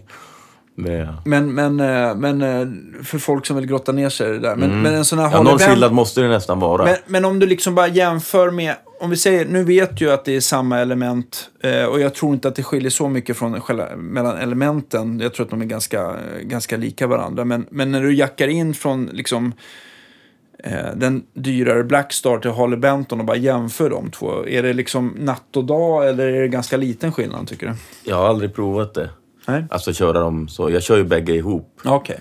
För Blackstarn är vinklad och Harley Benton den är rak. Så Ja, jag, ju, jag kör helstack då så att säga. Eh, inte alltid men rep, replokalen har ju det upplägget. Ja. Oftast live orkar man inte släppa med sig sådär. Nej. Men ja. Eh, så att jag har inte provat egentligen köra dem var för sig och nörda ner mig. Egentligen skulle man kanske micka upp bägge Ja. och lyssna riktigt noga hur stor skillnad det är. Men sen vet jag liksom egentligen eh, fördelen raka lådor är ju bättre. Det är ju mer istället för en vinklad Mm. sägs det ju också liksom. Och det är ju bättre. Så Men ah, jag, har inte en, jag vill ju ha en eh, rak Blackstar-låda också. Ja, Men det är ju tio lakan till att lägga ut på en låda. ja de är, så, ja, de är Så, lite dyrare det, kanske. Det är, om man ska ha den där top of the line såklart. Men Ja, vi får det se om vi det kan är. hitta på någonting. Vi har, jag tror att det jag vet inte vilka som har Blackstar idag. Kan det vara Fitzpatrick? Se. De har haft i alla fall. Ja, haft. Ja. Ja. Sen vet jag inte, men det är säkert de som har nu också. Ja, men, men eh, det har ju varit lite, det har ju varit lite um, just med, med Lutman och, och uh, alla möjliga grossister. Jag vet att uh, Englund Musik blev jag med Marshall. Inte för att det kanske drabbar dig så mycket. Nej. Men, Det är Men- ingen anti-Marshall-kampanj jag sitter och Nej, driver nej, nej, här nu. Det är precis. bara som vanligt min personliga smak på Ja. det. här. Alla får tycka vad de vill. ja. Men, men jag, jag tänkte ändå så här på Blackstar. Jag har för mig att de är en spin-off av Marshall-folk som Absolut, är det och det behöver ju absolut inte betyda att det måste låta likadant. Men det är, Nej. det är engelskt, ett engelskt märke i Som grunden. historien jag hörde så jobbar ju alla på Marshall och de ville ta fram något nytt. Men Ja. som i musikvärlden vet du ju, Ja. det är dinosaurier överallt. Många som liksom vill, nej man får inte ändra någonting där. Ja, vi gör som vi alltid har gjort. Precis, så att ja. då provade de starta eget och gjorde lite starkare då, så vart det jävligt coolt Mm. och bra. Så att det är väl inte den bästa vänskapen mellan Blackstar och Marshall. Kommer nog aldrig bli heller. Säkert Jag- inte. Nej, men som sagt, jag är inte mer inblandad i det än så. Men jag är glad att de bröt sig ur, för jag gillar verkligen Blackstar. Mm. Men jag kan inte höra något Marshall i det heller, genom att jag verkligen inte tycker om Marshall. Men Blackstar blev för mig bara wow! Nej, men jag, det tycker inte jag. Nu har inte jag provat Blackstar så mycket. För när jag jobbade på Deluxe, eh, när man sålde mycket nya stärkare, då var det ju mycket... Eftersom Deluxe hörde ihop med EM så blev det ju mycket liksom Vox och Marshall. Nu har de ju dessutom Pivi, men det var liksom... Det blev lite efter jag slutade. Och sen så, har de ju, sen så var det mycket Fender-stärkare, så det var ju inte så himla mycket eh, metalstärkare. Möjligtvis att de här EVH-stärkarna från Fender kan eh, Ja, tyckas det. om av vissa. Du, du, du spyr inte galla över dem, eller? Nej, jag har ju kört en sån där EVH. Gjort. Eller det, det är väl hans version på Pivi va? Ja, jo, men det är det lite... det- ja, men... eh, Låter lite Nej, men alltså, det, sådana har jag också provat runt om. Och ibland behöver man liksom inte... Det kan stå en Beringer ibland, eller vad är det? Bugera är väl en Beringer? Ja, just Ja, precis, Den är inte så jävla dum. Man har fått den som backline ibland. Det finns ju väldigt mycket stärkare som är bra idag, tycker jag. Ja, men som låter bra, men jag tror, att, jag tror att vissa märken har ju fått liksom en liten dum stämpel att så fort det ska repareras så blir det krångligt. Liksom. Ja, så kan, ja, Ja. kan jag tänka. Ja, men så är det liksom med allt med bilar hit och dit. Ja, är precis. Men bara, när, det blir, vissa när, får bra och när dåligt det blir problem så är det så här. Jag vet att till exempel PIV, de har ju några sådana här speciella... Eh, det, är liksom, det kan vara eh, två kort, ett sitter på sniskan 90 grader upp. Och de, de här eh, sladdarna som går emellan, när man liksom håller på och vinklar de där korten för många gånger, då går de av. Okej, Och då det blir det, jävligt sådana... Så, ja, det är så jävla fruktansvärda. det, är, det är gjort för att Oh. sättas ihop en gång Och och sen tillverkas aldrig någonsin... reparera. Ja, Nej, det. lite så. Så Ja, att jag vet att det är många tekniker som har, som har svurit. uttryckt sin stora glädje över det. Men, eh, ja, men det finns ju en anledning varför... Eh, alltså designen behöver ju inte liksom vara ett kvitto på eh, om det är dyrt eller inte eller om det låter bra. Utan det är lite det här eh, hur, ja. Ja. vart är det tillverkat någonstans och hur är det tillverkat. Och, Precis. ja, det är det som sätter lite priserna. Sen så tror jag givetvis som givetvis det med bilar och mm, cyklar eller vad fasiken som helst att, att vissa är ju bättre på att ta mer betalt för sitt märke också. Naturligtvis, Ja. så där är det. Det blir lite Större status marginaler. och liksom Ja, eller hit och dit, leva på gamla meriter. Så är det. Nej, Bug- Bugeran har jag inte provat, men jag kan också, jag har också sett att Ja, jag har kört den live några gånger Ja. när det har funnits som backline och Ja. ja. men jag har inte varit missnöjd med det. Det Nej. funkar bra. Så Eh. länge det finns rejält med tryck i dist. Ja, precis. Så man kan dölja sina fel man spelar, va? Ja, eller hur? Inte, nej. Men det, Nej, nej, men eh, där är väl EMG bra också, tänker jag. För det är väl många som tycker att den är en ganska bra... Eller du kör kanske eh, alltid trådlöst live, eller? Yes. Ja. Det är ju liksom, det har jag gjort i många år nu. Det, som, det tar liksom gitarrspelet till en ny nivå. Jag vet inte, det var liksom nästan som... ja, Jag vet inte. det var en stor grej i alla fall när man började med tråd Ja. Mm. tycker jag. Liksom, men det, jag skulle inte kunna spela med sladd mer. Ja, repa ju med sladd kan man göra, men spela live liksom. Jag vet inte, hur gör man då? Då kommer man ju trassla in sig i alla Ja, eller hur? Genom att alla ofta rör sig ganska mycket på scen.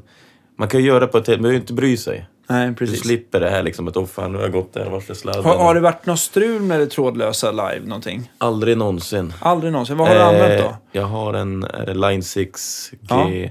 G30 heter den. Ja, mellan, mellanvarianten där. Så.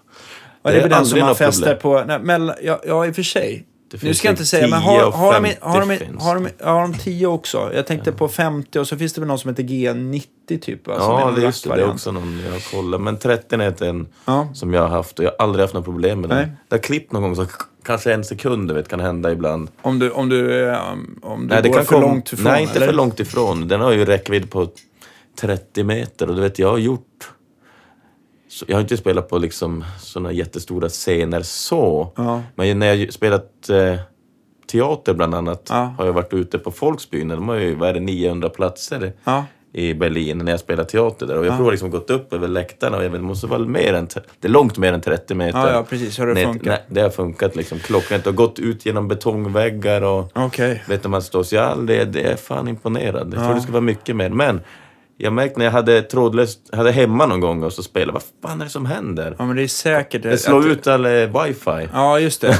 Ja, men jag har för mig att de, det är väl ganska, frekvenserna ligger rätt nära med wifi eller blå, blåtand eller Ja, något sånt där. Det börjar krångla lite. Men Mm. som sagt, nej, jag är svinnöjd med det, den trådlösa. Som sagt, jag eh, har haft den och som sagt, den är ju pff, tejpad och limmad och allt. Den har fått också stryk så det ser Just ut det. som hallå kom och hjälp mig, själva mottagaren där liksom. Men, och sändaren har klarat sig, fått säkert 200 liter öl i sig som pedal. Vet.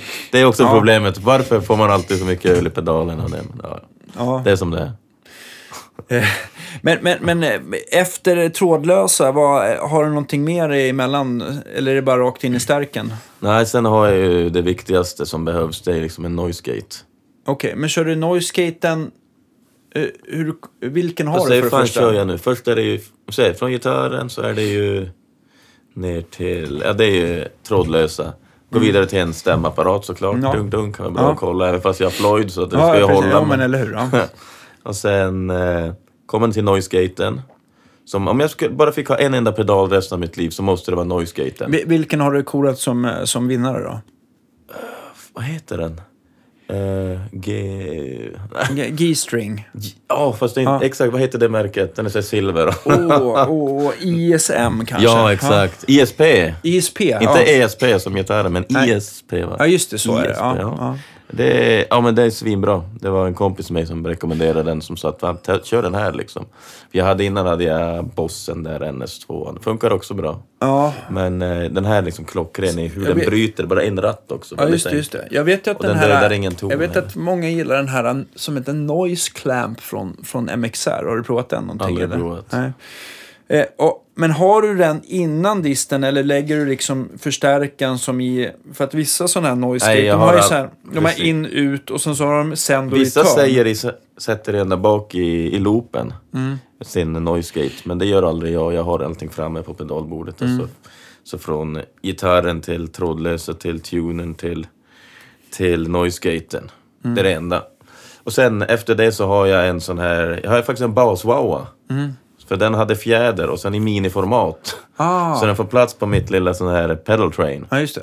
Så att det fanns ingen gitarr, eh, gitarr som fanns i miniformat och med fjäder så man slipper klicket där. Ja, just det. Jag vill det. som sagt ha allt så enkelt jag bara kan. Ja, liksom, det. är liksom minimera liksom, Saker speciellt med. Sinestro. Ja. Jag har för mycket huvud. Ska jag sjunga gitarrsolon hit och dit? Trapp. Och downstrokes. Ja, downstroke. Hårt. Spela, p- träffa rätt pedal. Så att jag måste ha det så lätt jag bara kan. Eh, Och sen, det är det enda. Och sen därifrån går den då in i stärkan så att säga. Mm.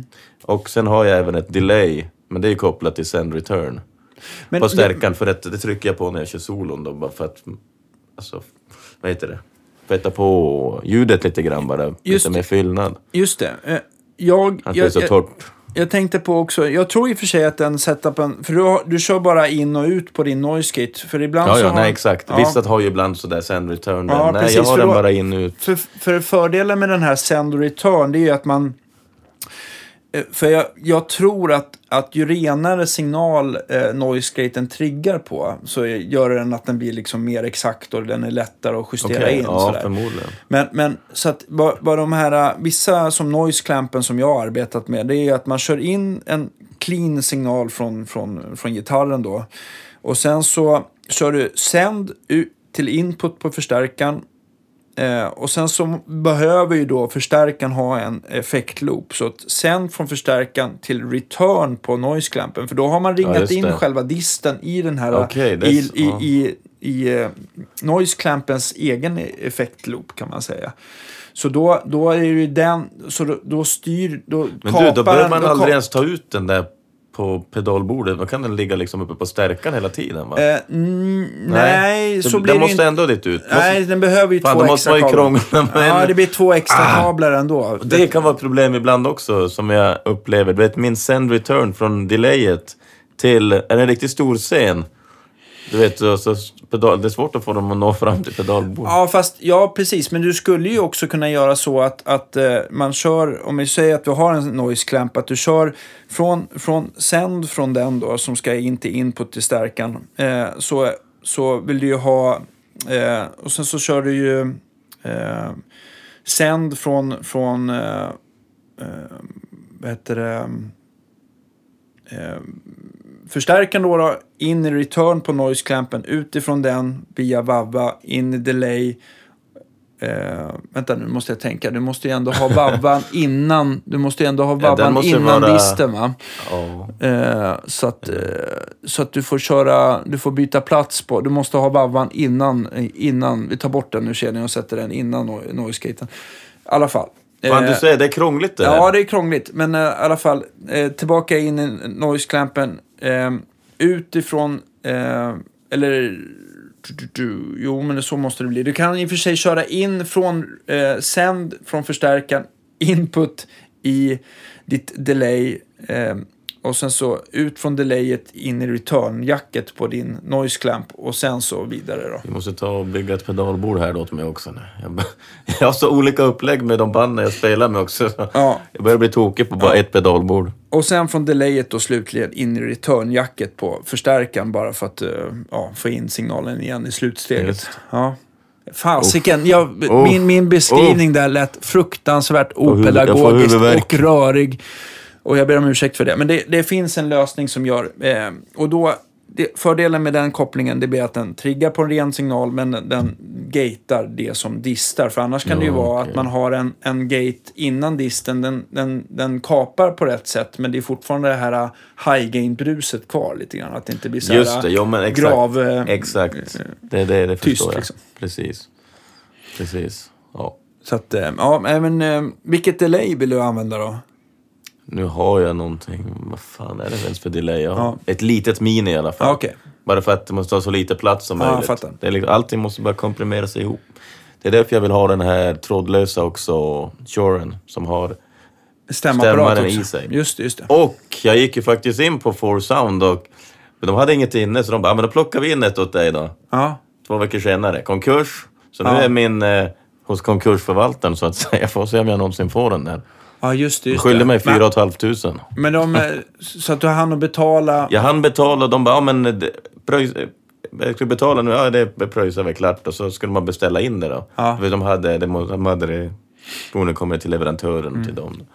Så bara, jaha vad händer nu då? Ja, Four Sound är i konkurs. Bara, nej. Så jag går dit bara, kan jag åka själv och hämta det där jävla trådlösa? Det ligger ju där borta förmodligen i Västberga. Och så. Ja, precis. Men, nej, det kan man inte göra. Det Nej, men antagligen så, så är väl så här konkursförvaltaren, de ser väl till att bankerna får sina pengar först. så är det, de ska så- ju ha sitt. Vi kommer ju sist. De- ja, så är det ju alltid. ja.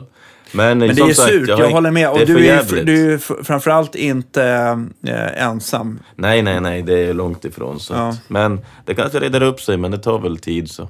Ja. Som sagt, men som sagt, jag har ju mitt eh, Line 6 som jag är supernöjd med så Ja. länge. Det enda anledningen att jag ville ha det här nya då, är för att de har, då slipper jag även en Ja, det blir tunen. min- det blir en pedal ännu mindre. mindre liksom. Jag vill ha så lite som möjligt. Jag vet man håller på och flyger hit och dit, fram och tillbaks, handbagage och vad man ska packa ner. Så att ju Mm. enklare ju bättre. Ja, Plus en sak mindre som kan gå sönder. just det. Eller strula, eller få öl i sig. Ja.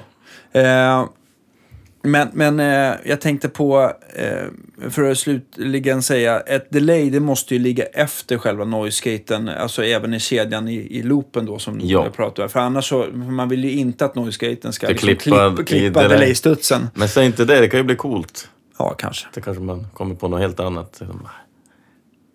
Ja, Ja. Nej, jag, jag, Alla genier har blivit idiotförklarade först. Ja, eller hur? Så ja, är det är det. sant. eh, och när, klarar du på en gitarr live eller är det alltid någon extra som får... Eh, Eh, nej, jag brukar alltid ha två stycken. Inte, inte med alla band då, men med eh, till exempel med Sinestro och med Ixi så är vi två stämningar då. Jaha, okej. Så både, eh, nu kör bägge band liksom C-standard och drop B. Ja. Vilket, brom, i och för sig, har du en gitarr utan Floyd så klarar du dig bara blopp, droppa. ja, precis. Men annars får du efterjustera lite de andra Ja, också. precis. Så att, Men jag har ju jag har ju Floyd på mina gitarrer så jag behöver ju två stycken. Och, och när du kör drop B, då låter det som att du får ha lite grövre strängar. Eh, Jag har för mig att du kör de som heter, heter de 148 eller heter de 158 från, från eh, Diadario? I alla fall de som är från 11 till 56 va? Ja, det har jag nu faktiskt. Men jag får sätta på en 64 högst upp. Okej. Just när du kör drop? Ja, eller? precis. Det blir liksom för... Nej, det blir för fladdrigt annars. Och ja, jag vet, ibland så ändrar man någon sträng här och där. Jag vet inte. Det, man känner liksom varenda sträng att fan, det här skulle varit lite tunnare. Får man byta den? Man blir som... Fan också, det är svårt att hitta ett sätt som funkar för en. Man kan få ett helt sätt och sen efter ett tag bara, ah, men skulle bara byta ut B-strängen. Det skulle ha varit 14 istället för 15. Eller man blir så här nördig i det där. Man känner varenda grej. att, Fan, vi byter det där. men- och sen men- är plötsligt, nej nu måste jag stämma om gitarren till den där stämningen. Ja, Vad fan, och så är allting uppfuckat. Så har man Ja. glömt vad man gjorde. Ja, du ser. men, men, men det finns inget färdigt sätt i alla fall eh, som, är, så, som du önskar egentligen? Nej, jag brukar alltid ändra lite här och var. Ja. Byta ut en eller två strängar. Det får jag nästan alltid göra. För Ernie Ball har väl också ett ganska vettigt sätt, men då är det väl antingen, då är det väl den här att man Det kan är få så här, 12,56 tror jag, något sånt där. Ja, det, det blir för tjockt i ena änden och för tunt i andra liksom. Ja, det blir lite konstigt att hitta Ja. rätt i den, men Och spunnen G-sträng vill du väl inte ha heller? absolut Va? inte. Nej. Det är... Och egentligen inte för Det är tjock. fängelsestraff på det. Är det fängelsestraff? Det är på fängelsestraff på det. Det borde vara. Tycker jag. Man blir hän, äh, hänvisad att spela, äh, spela Shadows-låtar kanske. Ja, nej, det där. Eh, Det talar vi inte högt om spunnen. nej, inte. Men, men det är ingen kul om G-strängen är plain och för tjock heller. För den Nej, eh, den- känns det- varken eller låter bra. Den är, det är den svåraste strängen på en gitarr. Ja. Att Absolut. få den att låta bra eller Ja, att, känner- att få den rätt kännas bra. känsla och övergången till liksom D-strängen där. Mm. Den är spunna. Det är det, det är det som är det känsligaste på en gitarr, tycker Och jag. vad har du fastnat för då? Ja, det ska det vara 20, 19 eller 18? Uff, det kan vara 19 till 22. För 22, då blir det väldigt... o- 24 har jag också nu Ja. fått någon, men alltså var- då är det liksom... Och ska jag säga, ska jag bara ha... Beror på vad jag ska ha gitarren till också. Ska det bara vara liksom drrrt, riktigt trycka, så tajta riff, Mm. Ja. inte så mycket sol, då kan den vara sådär. Ja. Bara för att få det här, du vet, riktiga hugget i gitarren. Att det Mm. inte är något slappt alls, man riktigt kan gnugga in. Ja, Men ska man sola sen då på den, där är det bara... ja då får man. då får man ju... Men, eh, med Valkyria, vad kör du för stämning? Vad blir det för stämning där tror du? Valkyria blir D på allting. D? Okej, alltså D till D. Precis, Ja. det är ett helt tonsteg ner som det heter på Ja. rent musikspråk. Ja. Vilket är lite högt för mig. Eller, det är, jag har inte spelat... Kommer du dedikera någon gitarr för det? Eller blir Ja, det jag håller på att fundera på hur jag ska göra det där också. Så att det blir, en- genom att jag inte har det i något annat band just nu, Ja, så behöver jag en gitarr dedikerad till det där. Plus jag kanske måste ha en backup också. Eh, eller jag kommer behöva, men... vad, vad, vil, vilka... Just nu kör jag på en BC Rich Warlock som jag satte till Den, det. vi- var det inte den som var som här, eh, den röda som var... Acrylic. Ja, just det. Som, Den som är genom plexi. ge- Genom plexi. Nej, det är inte den. Jag har ju en till NG Deluxe också. Men den Gammal här med plexin eh, måste jag ju säga. Ja. Det är ju en, den använde jag faktiskt live för två veckor sedan. Det var många år sedan men Ja. den live. Men den väger ju åtta kilo. ja, det blir så jävla tungt Folk brukar ju säga att ja, men Les Paul är ju tung att spela med. Ja. Väger ju kring sex. Men den är åtta kilo. Men jag gillar det. Ja. Förresten, en sak till om gitarrer. Jag gillar tunga gitarrer. Jag har aldrig gillat... Därför jag inte till exempel gillar så här Ibanez eller sånt. Ofta var det så lätta grejer. Du spelar liksom för hårt, det bara fladdrar omkring. Ja, men jag vet, det känns som lite mer... Man vill ju ha något i handen. Det ska väga liksom. Det känns lite som att, att det är på riktigt eller lite kvalitet. Vissa, vissa gillar bara att det ska vara svinlätt hela tiden. Ja, resonant och att Ja, det, ska, men- det ska låta högt Jag vet inte. Heavy, heavy is reliable. Heavy is good. Nu, nu eh, Men- vet jag att du tränar är ganska stark, men, men eh, jag tror att för gemene man så tror jag att en för tung gitarr kan, kan eh, snedbelasta och man kan få krämpor av det. Så jag tror Jo, att jag vet. Det är ofta att folk säger det med det blir problem med ryggen och snedkrämpor. Men jag, om man lägger ner lite aldrig- träning så kanske det funkar alldeles utmärkt. Det tror jag Ja. absolut. Allting har ju med träning att göra. Men, Mm. men nej, jag har aldrig haft det problemet. Alltså även med när man turnerat och sådär och kört med den där den gitarren har jag ju turnerat med några veckor så där tidigare. Men jag har aldrig liksom haft sådär ont i ryggen efteråt eller så. Men som sagt, det kan komma, det kan komma vilken dag som helst kanske att man bara snedbelastar och så bara hugger det till. Ja? Det är ingen som kommer. säger det, men Nej, men än så länge funkar det i alla än så fall. länge funkar det absolut. Ja, men lite grann så här, den känslan har jag känt själv också. Framförallt när jag spelar hård och jag kom över någon sån här tidig Parker Fly. Och de var ju, de vägde ingenting. Det var ju två kilos gitarrer. men jag kommer ihåg att det kändes ju skitbra när man satt hemma på kammaren. Och, men, men just när du ställer dig i lokalen eller live, då är det liksom, det blir, ett annat, det blir en annan touch och tillslag. Ja, allt, ja och, precis. och jag tyckte bara gitarren fladdrade omkring. Ja, precis. Det blir som ett par fladdriga strängar Ja. nästan. Liksom. Ja, men det var som gitarren liksom inte ville det. Men jag förstår med en tung gitarr så blir det liksom, det blir liksom lite mer stabilt eh, på Precis. plats. Och man ja, det blir det. den. Den är, den är ju där och sen så Ja. känns det som att den kan tåla lite spö också. Okej, okej. Liksom att, okej, tappar den här i backen så ja, okej, den kanske inte.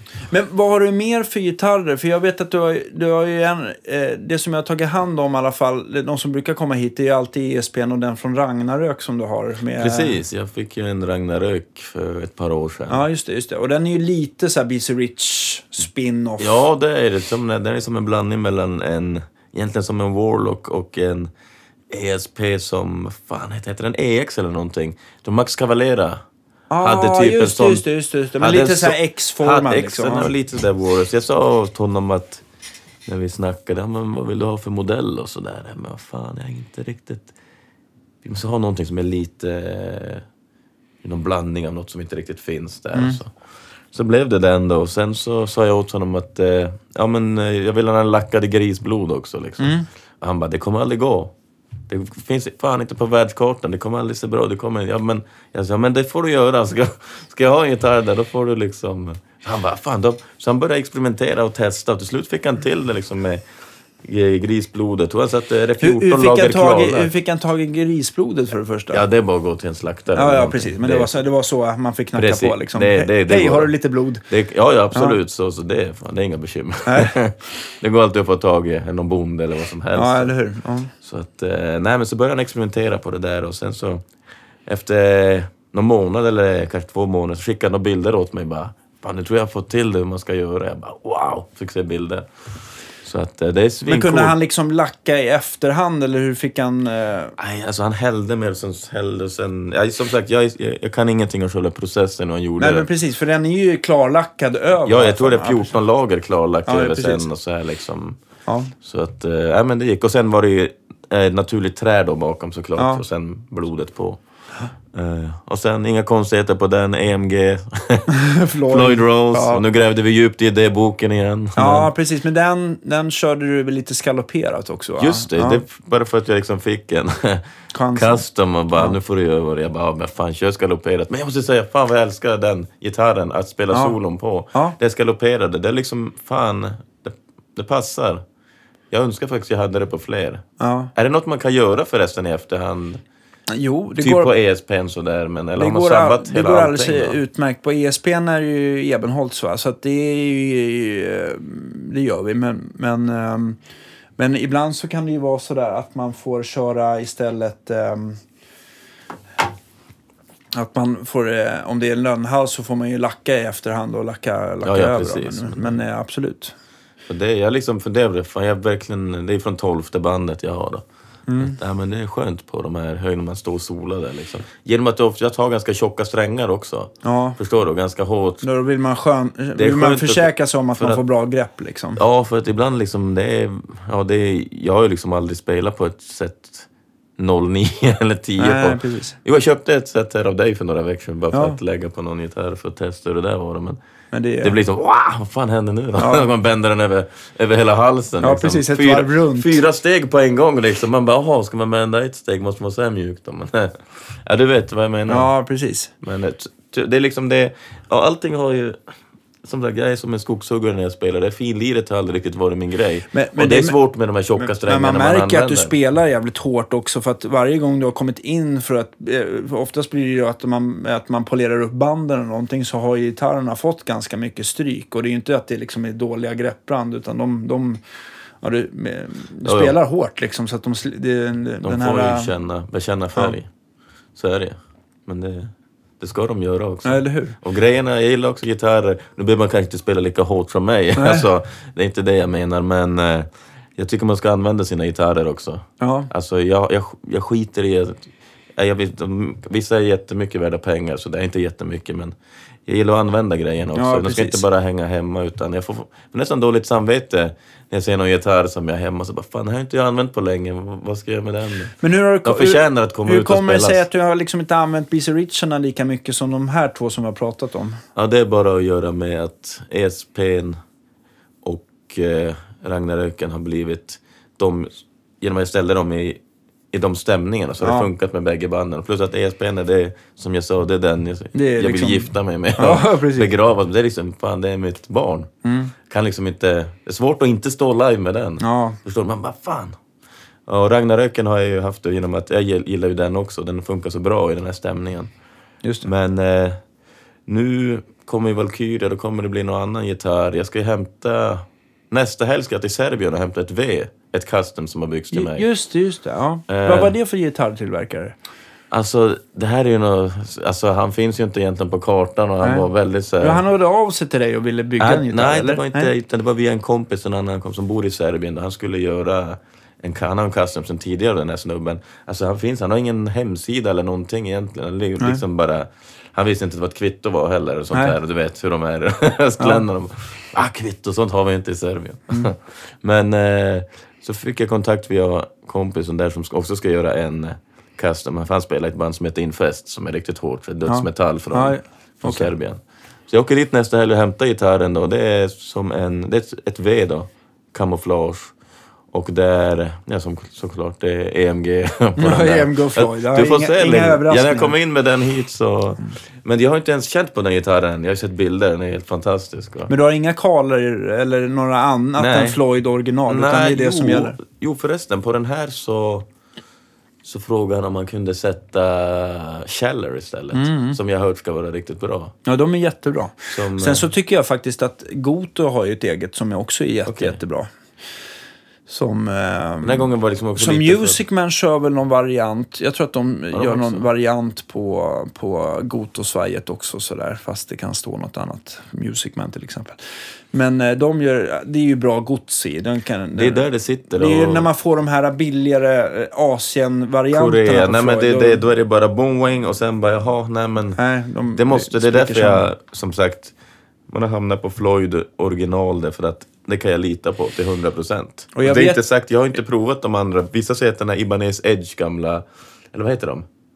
Ja, skulle också vara svinbra och sen vissa säger Ja. Kaler är bra men jag vet inte, man blir ju liksom lite så här, vad fan, det är ju beprövat där. Varför ska jag ta något annat när jag vet att det här funkar? Nej, och sen så är det inte så himla lätt att flytta de där svajen mellan gitarrerna för att det kan vara lite olika spacing mellan stolparna. Så det är jäkligt svårt liksom. Man, Ja, man, man, man rycker inte ut en bussning och pluggar för att borra en millimeter åt, åt, För att om inte Floydet, eller alltså att stolparna har exakt avstånd från varandra. Jag tror att det är bara Goto som, som inte är känslig för det. För ena sidan är inte som en dal utan den är bara helt rak. Okej. Eh, då, då blir det mindre eh, eh, viktigt i alla fall.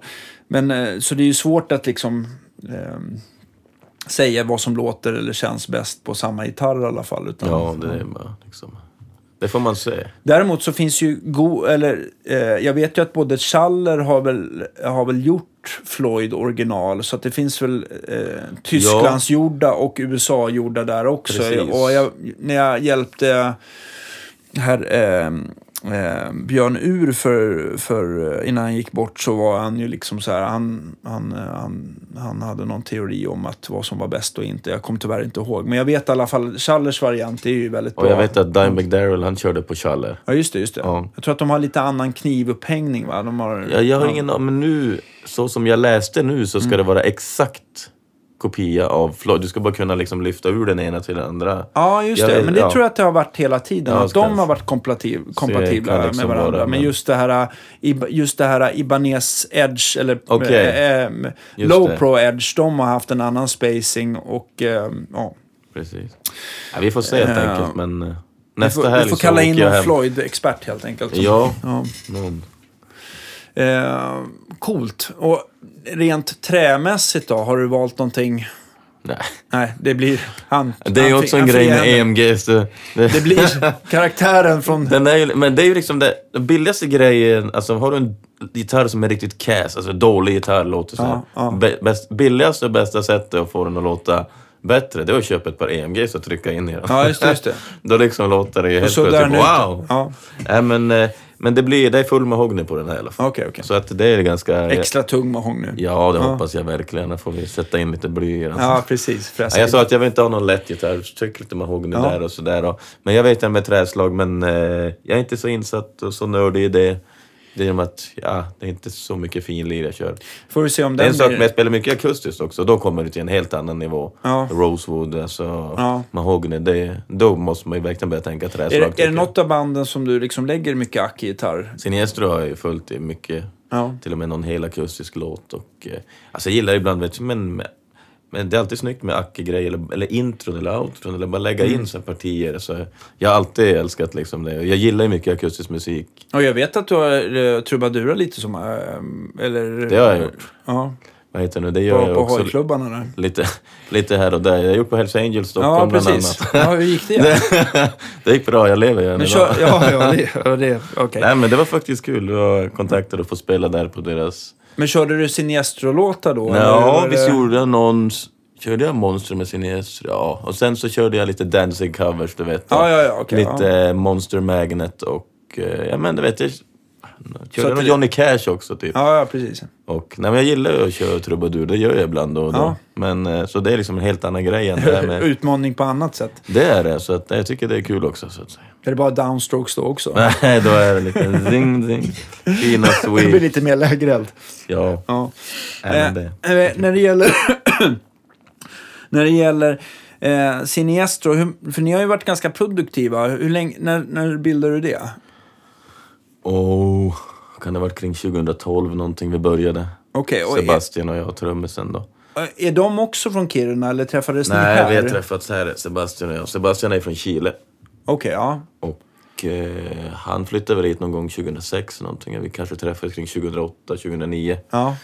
Så började vi spela ihop i något annat band innan det, lite dödsmetall. Men sen så bara, men nu startar vi något eget för att, du vet, du vet med band man känner, det börjar dra åt olika håll, vad Ja, ska vi precis, göra? precis. Så jag och han sa då att, nej men fan nu gör vi det här själva istället liksom. Att, Och det har alltid varit trio också det, eller? Ja, egentligen bara han och jag, om Ja. man säger. Vi har varit två stycken. Sen, eh, Vi har ju haft basister, lite olika basister Ja, som har varit med och sådär. Men egentligen men det är han och jag som har varit från början. Det är vi som alltid bestämmer. har gjort all musik också. Ja. Sådär. Och oftast nu på senaste skivan och första skivan vi gjorde också, då har jag lagt Ja, all han- bas också. Aha, men han... Han, Han spelar trummor, ja, han är trummor. Ja. Så att oftast på de skivorna, inte alla skivor, men två skivorna har jag lagt all bas också. Mm. Liksom för att det... Ja men förstår du, sen tar Ja, man in någon sessionsnubbe live Ja, och sådär. Så att, eh, men... eh, Ja.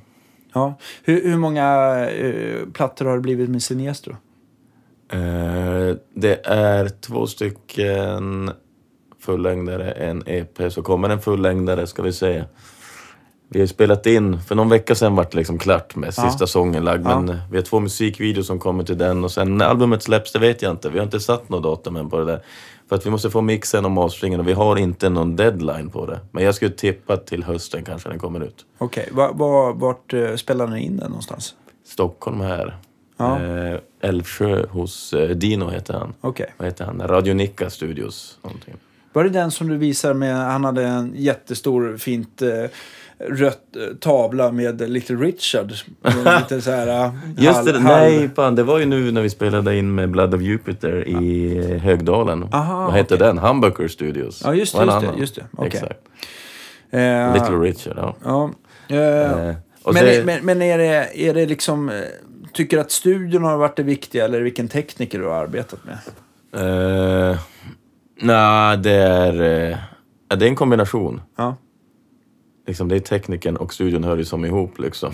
Och de ska fatta lite. De måste man ju, de är liksom, så att, äh. Och sen är det helt klart med vilket band man spelar in med och liksom vad det är och vad man ska, förstår du? Mm. Allting blir väldigt olika, för viss, viss studio kanske funkar med det bandet och viss studio med det bandet. Men man vill ju inte återupprepa sig själv heller. Nej, jag vill oftast liksom göra någonting annorlunda varje gång och prova något nytt. Och, och som nu, Sinestro-skivan här, då använder jag inte ens min Blackstar. Nej. Då skaffade jag mig en Laney, en Ironheart av någon jävla anledning. mm. Och bara, kör med den här bara för att det ska inte låta som förr. Lika, eller, ja, precis. Jag skiter i hur den låter, vi måste få den här att funka. Har det alltid varit så här standard SM57 närmickat eller hur har ni? Det där är jag svindålig på, Ja. men det är nog Säkert. säkert Ja. så Det är en ganska klassik. Rock, eh, rakt in sound. metal, absolut. Men okej. Live brukar jag försöka ha en 58 och en sån där Bayer Heter den M201 eller någonting? Mm. Jag vet inte. Genom att jag är ensam gitarr i sin ESU till exempel. Så att man skickar ut med två olika och sprider, sprider signalen, förstår Ja, du? Med två okej. olika mickar så att det Ja. blir dubbelt ut sådär så att det blir lite annorlunda. Men, ja. Har ni, brukar ni köra med egen tekniker eller brukar du komma överens med... Nej, oftast kör man på inhouse. Ja, just det. Just det. Det är ju så. Det har ju med ekonomi att göra och dra omkring Jo, folk. ja, men. Men grej, oftast är ju inhouse, är ju liksom, de har ju koll på stället. Ja, Spelar de på en festival, då sitter de där och rattar band. Ska de med någon egen liksom... eh, Förstå, ja, sen är det vilken typ av musik. Det är inte, det är, det är metal liksom. Det är inte alldeles för mycket, du vet, för dynamik och finlir heller. Nej, utan det är precis. liksom, åh, bara pang Bala, på. balans och, och volym. Ja, balans och volym. Det är inte 16 000 olika stråkar och det är inte 14 stämmer som ska in. Men, utan det är ganska rakt på så att det... Men har du, jag har ju turnerat också rätt mycket, framförallt i Europa. Som, eh, har du också den här känslan av att, att, att backline och tekniker blir sämre ju längre söderut man kommer? Ja, men för fan. Oh, jag vill inte ens prata om Spanien eller Nej. något sånt där. Oh, vilka mardrömmar det är. Nej, jag vet inte. Det, det är bara manana och stå och Ja. dricka vin och röka lite gräs och bara... Ja, och någon gång så står de där, man- om 45 man- minuter, varför låter det inget? Ja, men koppla in monitor. Du har inte ens kopplat in monitorerna ser du väl? Ja. Och du ska vara ljudtekniker och du ska liksom sköta det stället. Och sen så är det, all, jag tycker också just det här man gärna tänker att det liksom när man, man, man, man kommer i tid till något soundcheck så är det aldrig någonting som är, då är det bandet. det är inte ens någon där för, Nej, för det första får du stå och vänta två, bandet, tre i, bandet som ska spela innan eller någonting håller på och drar över till, ja du vet Ja aldrig. men det där var vi också så... Fan vad det, ja, men det var faktiskt i var det Frankrike eller var det Spanien också. Så kom Mm. mm. Något av förbanden från och kan låna instrumenten också. Den är bra. Jag bara, men åh! Vad gör ni här liksom? Har ni inte ens... Ja men vi kommit därifrån, vi har flugit därifrån så... Nej det kan ni inte göra. Jag tror inte ens... För det första är det långt ifrån den stämningen eller någonting. Ja, precis. För det andra jag inte ens lust att låna ut. Alltså förstärkare och sånt är ju bara att låna ut, det, det bryr jag Ja, mig nej, inte. Det är en helt grej, men liksom börja låna ut gitarrer hit och dit. Det Ja. blir liksom att...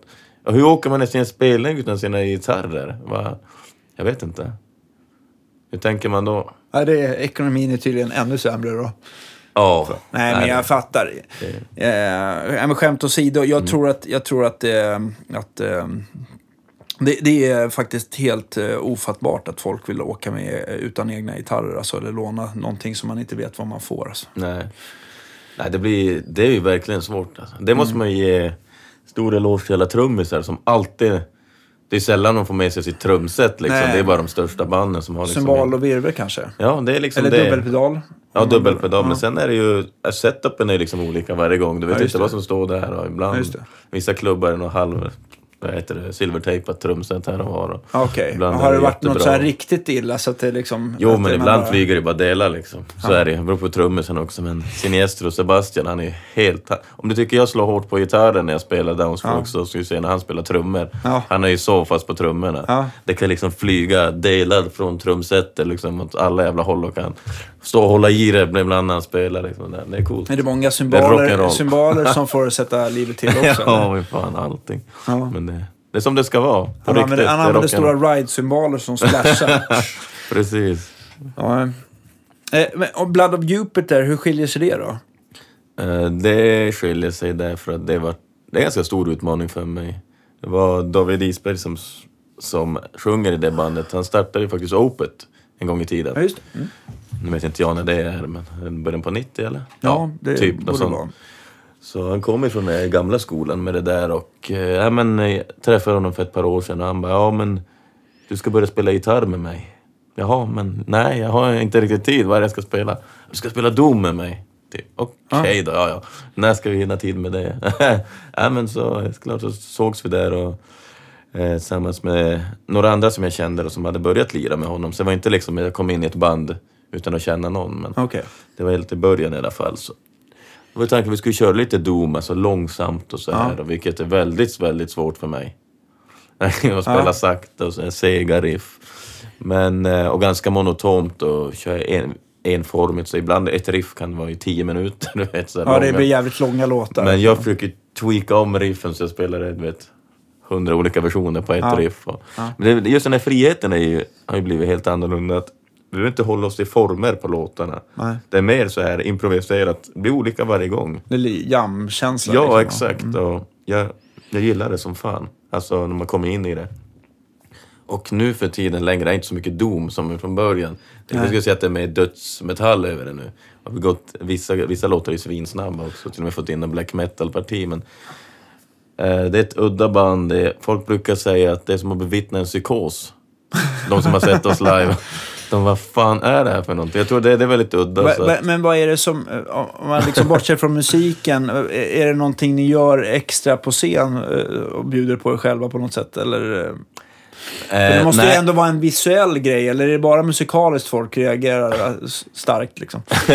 Nej, ja men visst, alla är ju ganska starka karaktärer som Ja, är med jo. i banden också. Sådär. Ja. Och jag är oftast, jag har ju ganska olika eh, approach med alla band jag har. Men Blood of Jupiter kör jag ju oftast maskerat. Mm. Typ här gammal war black metal-utstyrsel eller någonting. Mm.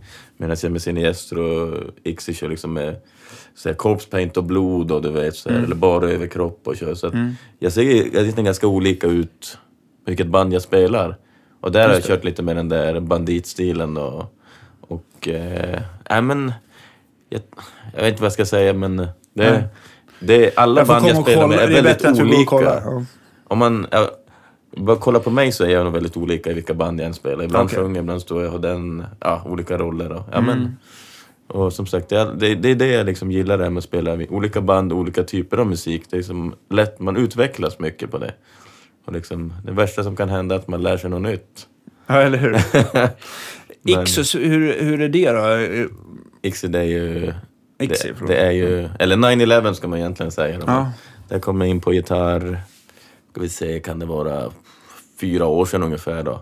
Skulle ha med mig, fråga om jag kunde haka på på en turné. Ja. Sen blev jag medlem efter det då, så att säga. Det var massa strul i det där bandet hit och dit Ja. och det har varit ganska illa men det är inget vi behöver gå in på här för jag är, inte, jag är inte insatt i det där personligen. Så, men, eh, nu spelar jag med dem och där kör jag gitarr och det är liksom, vi, de brukar kalla oss för eh, svartmetallens Mötley Crüe. det är ett jävla ös när vi är iväg och kör och det är jävligt kul. Och, men Ja. mycket så här rock'n'roll. Jag tror vi är, alltså det känns som att vi är ett jävla rock'n'roll-band alltså Ja. på plöjer fram liksom sådär. Mer än det här black metal. Att, förstår du? Mm. Vi har med den, den inställningen mer än den här djävulska. Jag förstår du? Det är black and roll kanske man ska säga. Ja, men Black and roll, ja. Det är lite riffigt och det är lite kul men det är ändå det är med blod och hela köret. Ja. Och, allting och bra, med bra röj men eh, som sagt kul, kul folk att hänga med, kul att lira med varandra. Så det, vi har varit mycket ute på festivaler runt om i Europa, haft turnéer och sådär. Så Ja, det, precis. det Va- händer mycket. Vad händer här framöver då, förutom att Siniestro släpps uh, troligtvis i, till hösten? Precis. Och Valkyria blir det... mm, Valkyria eh, som sagt, där kommer jag... USA-turné. Ja, det är USA-turné i början av Kör ni maj. själva eller är det support? Nej, det blir, med, eller nej, det blir tillsammans? med Archgoat från Finland. Mhm. Och sen är det ett amerikanskt band med där nu som ska...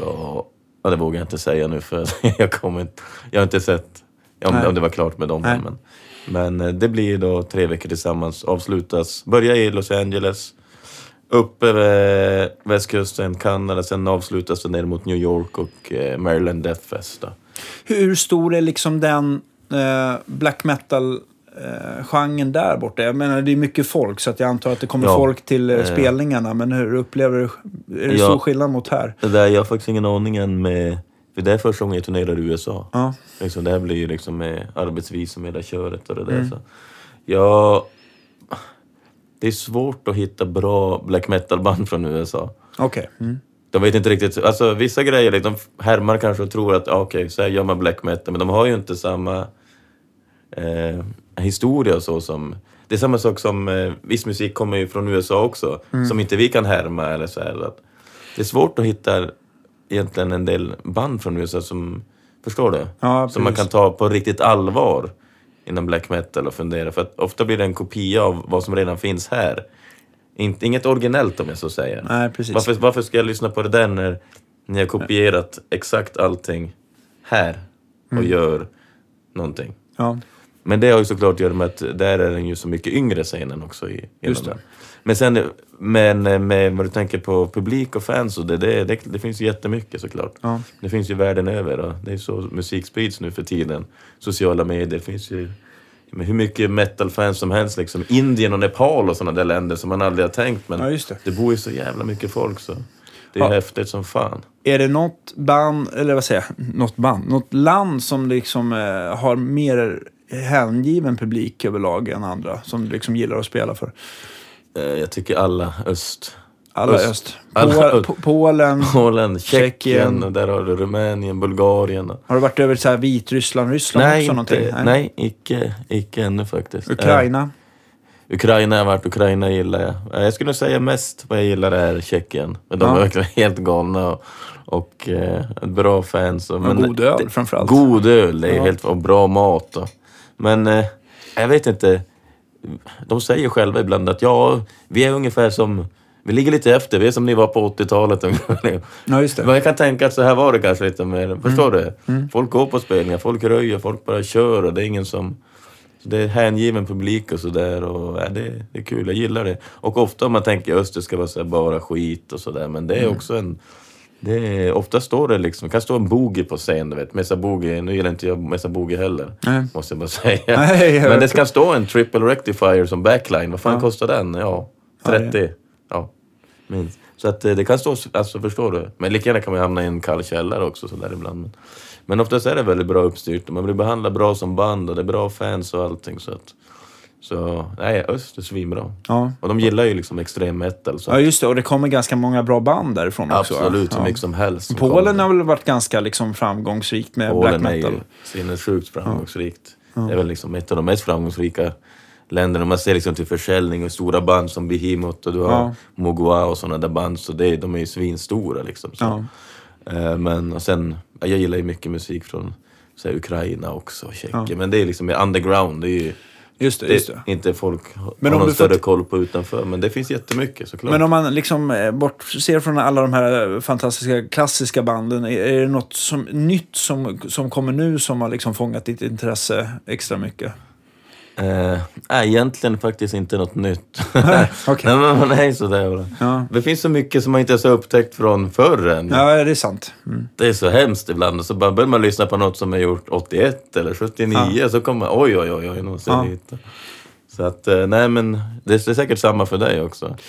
Ja, eh, ja, nu är det så himla... Nu känner jag så här att jag inte lyssnar eller spelar på samma sätt både för ett egenföretagande och annat eh, med familjer och barn och allting tar, tar upp den tid. Så den här, den här tiden att sätta sig ner och, och leta efter nytt eh, blir, blir inte så stor. Men, men eh, ja, Nej, men vi får se. Eh, Kanske. Det, det, det är en sån period just nu så där, som det är liksom mycket... precis. Så här. Nej men oftast är det band, ja fan det är ju nytt för mig. Men Ja. bandet har funnits i 15 år. Ja, Det liksom blir den där grejen också. ja. Så att, Men jag tycker ändå så här, eftersom man ändå... Eh, eh, ursprungen från... Jag började liksom spela hårdrock före, före blues och... Eh, alltså med band och sådär. Först liksom så har man ju det någonstans nära hjärtat. Sån här, eh, och man gillar ju fortfarande det, det soundet. Jag tror att jag, eh, även om liksom... Eh, den gitarren som du gillar att spela på är väldigt skild från min, mig som liksom fen, Fender-stratta med, jag kör, i och för sig också rätt tjocka strängar, så har man ju ändå en så här liksom förståelse vad du är ute efter och framförallt varför du gillar Naturligtvis. det du gör. Va? Så att, eh, så är det ju liksom. Det är, det är precis så det är. Och det, det, därför är det så kul med musik också. Men Alla det- har det- sin egen liksom. Det som, det som jag ändå har kvar liksom från, från som, som eh, de ränderna går aldrig ur, det är att jag alltid har gillat jumboband liksom, på gitarrerna. Så att det vill Ja, man ju sätta på. Jag har ju inte varit så här förtjust i så här vintageband. Jag har försökt liksom, men det är, eh, bandar jag om mina egna gitarrer då blir det jumbo. Liksom. är det jumbo, Ja. Och jag har ju haft Yngve Stratten med skaloperat och sånt där också. Jag förstår varför man gillar det. Och eh, det är klart vi ska skalopera om du behöver. Ja, vad fan, vi måste. Ja. Men det är lite trixigt sådär. Men, Jo, men det är inte Tobbe- bara att ta dit, vad heter den, raspen eller? Nej, precis. Nej, Tobbe har ju skaloperat lite grann och sådär. Så att det, det är ju ingenting som förfrågan man får var, var dag. Men det, mm. Ser Alla kommenterar "Åh, skaloperat, tror de ju att man är värsta Yngve-gitarristen också, man har där. Det är ganska ovanligt med skaloperat, men Ja. jag, jag vet inte varför det är så egentligen, för att, alltså, som jag upplever så är det väldigt skönt sådär.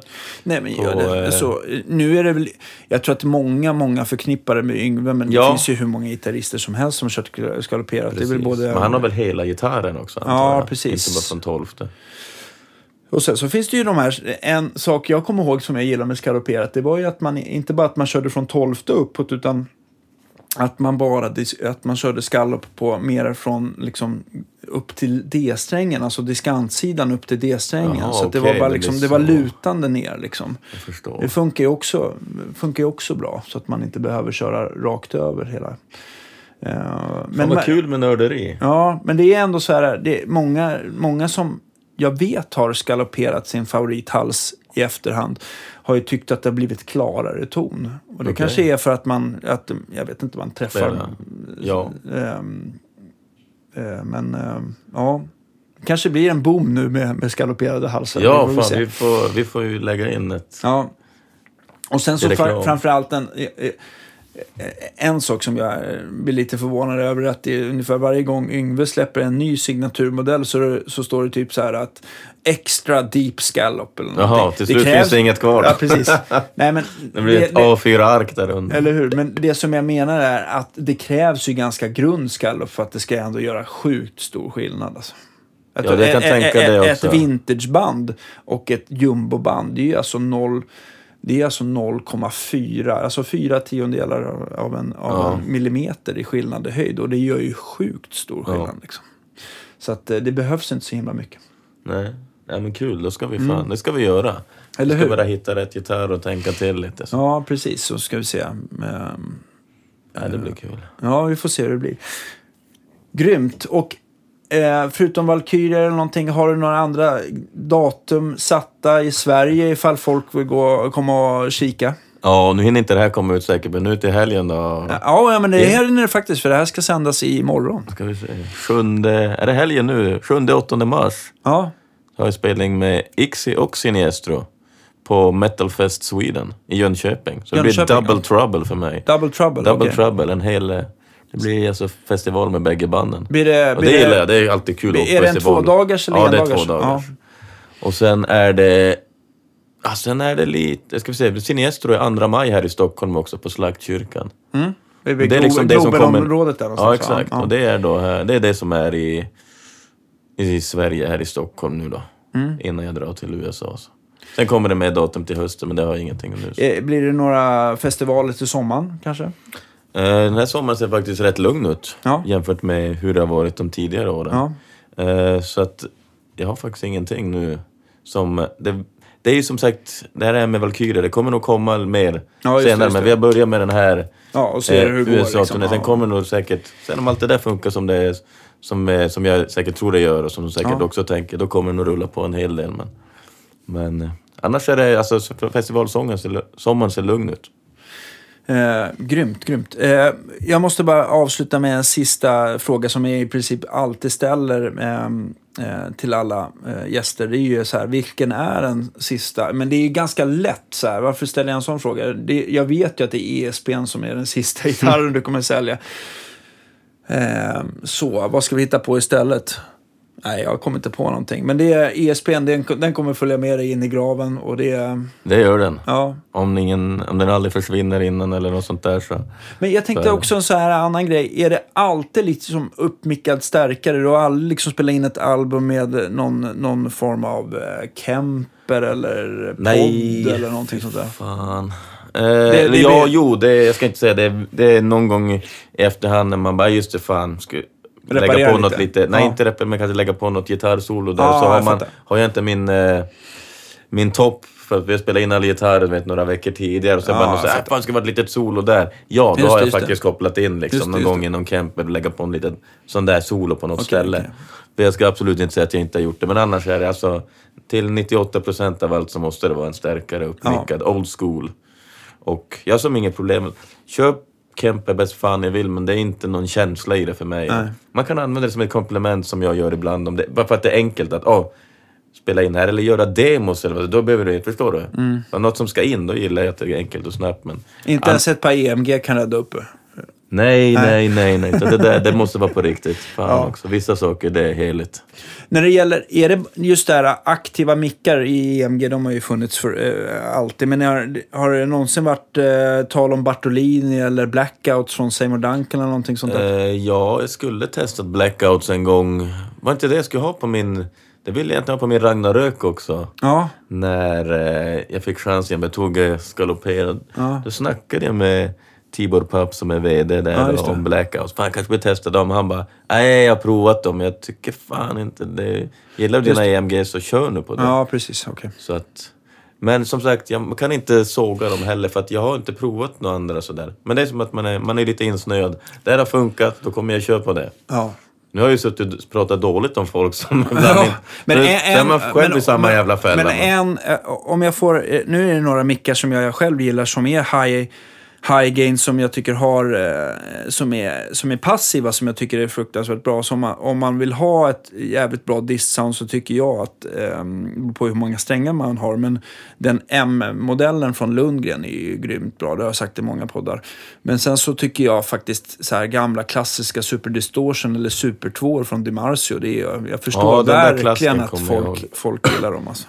Jag, som sagt, jag kommer ihåg den här Bill Lawrence, Ja. 500 XL, och den, Ja, den måste vi återgå till. Ja, det blir lite... Jag, jag, blir lite mera en, en annan typ av topp. Man kanske kan... eh, Jag ska inte säga att de är, eh, upplevs smalare i soundet. Det är nog dra för stora slutsatser om den gitarren är satt i. Men de, de har ett speciellt sound, så är det. Mm. Lite skarpare, liksom, lite mer edge. Liksom.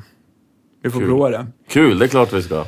Och det får vi eh, ta i nästa podd och um, diskutera Utvärdera. vidare helt enkelt. Så. Utvärdera skaloppering och Ja. XL 500 Bill Lawrence. Ja, nu kommer Arne Olsén, våran fina eh, ja, Strömstedts tekniker som jag måste hjälpa att öppna butiken. Men eh, stort tack för att du har kommit då och eh, spridit sanningar för oss. Kul att få ja. vara här också. Ja, grymt. Svinkul.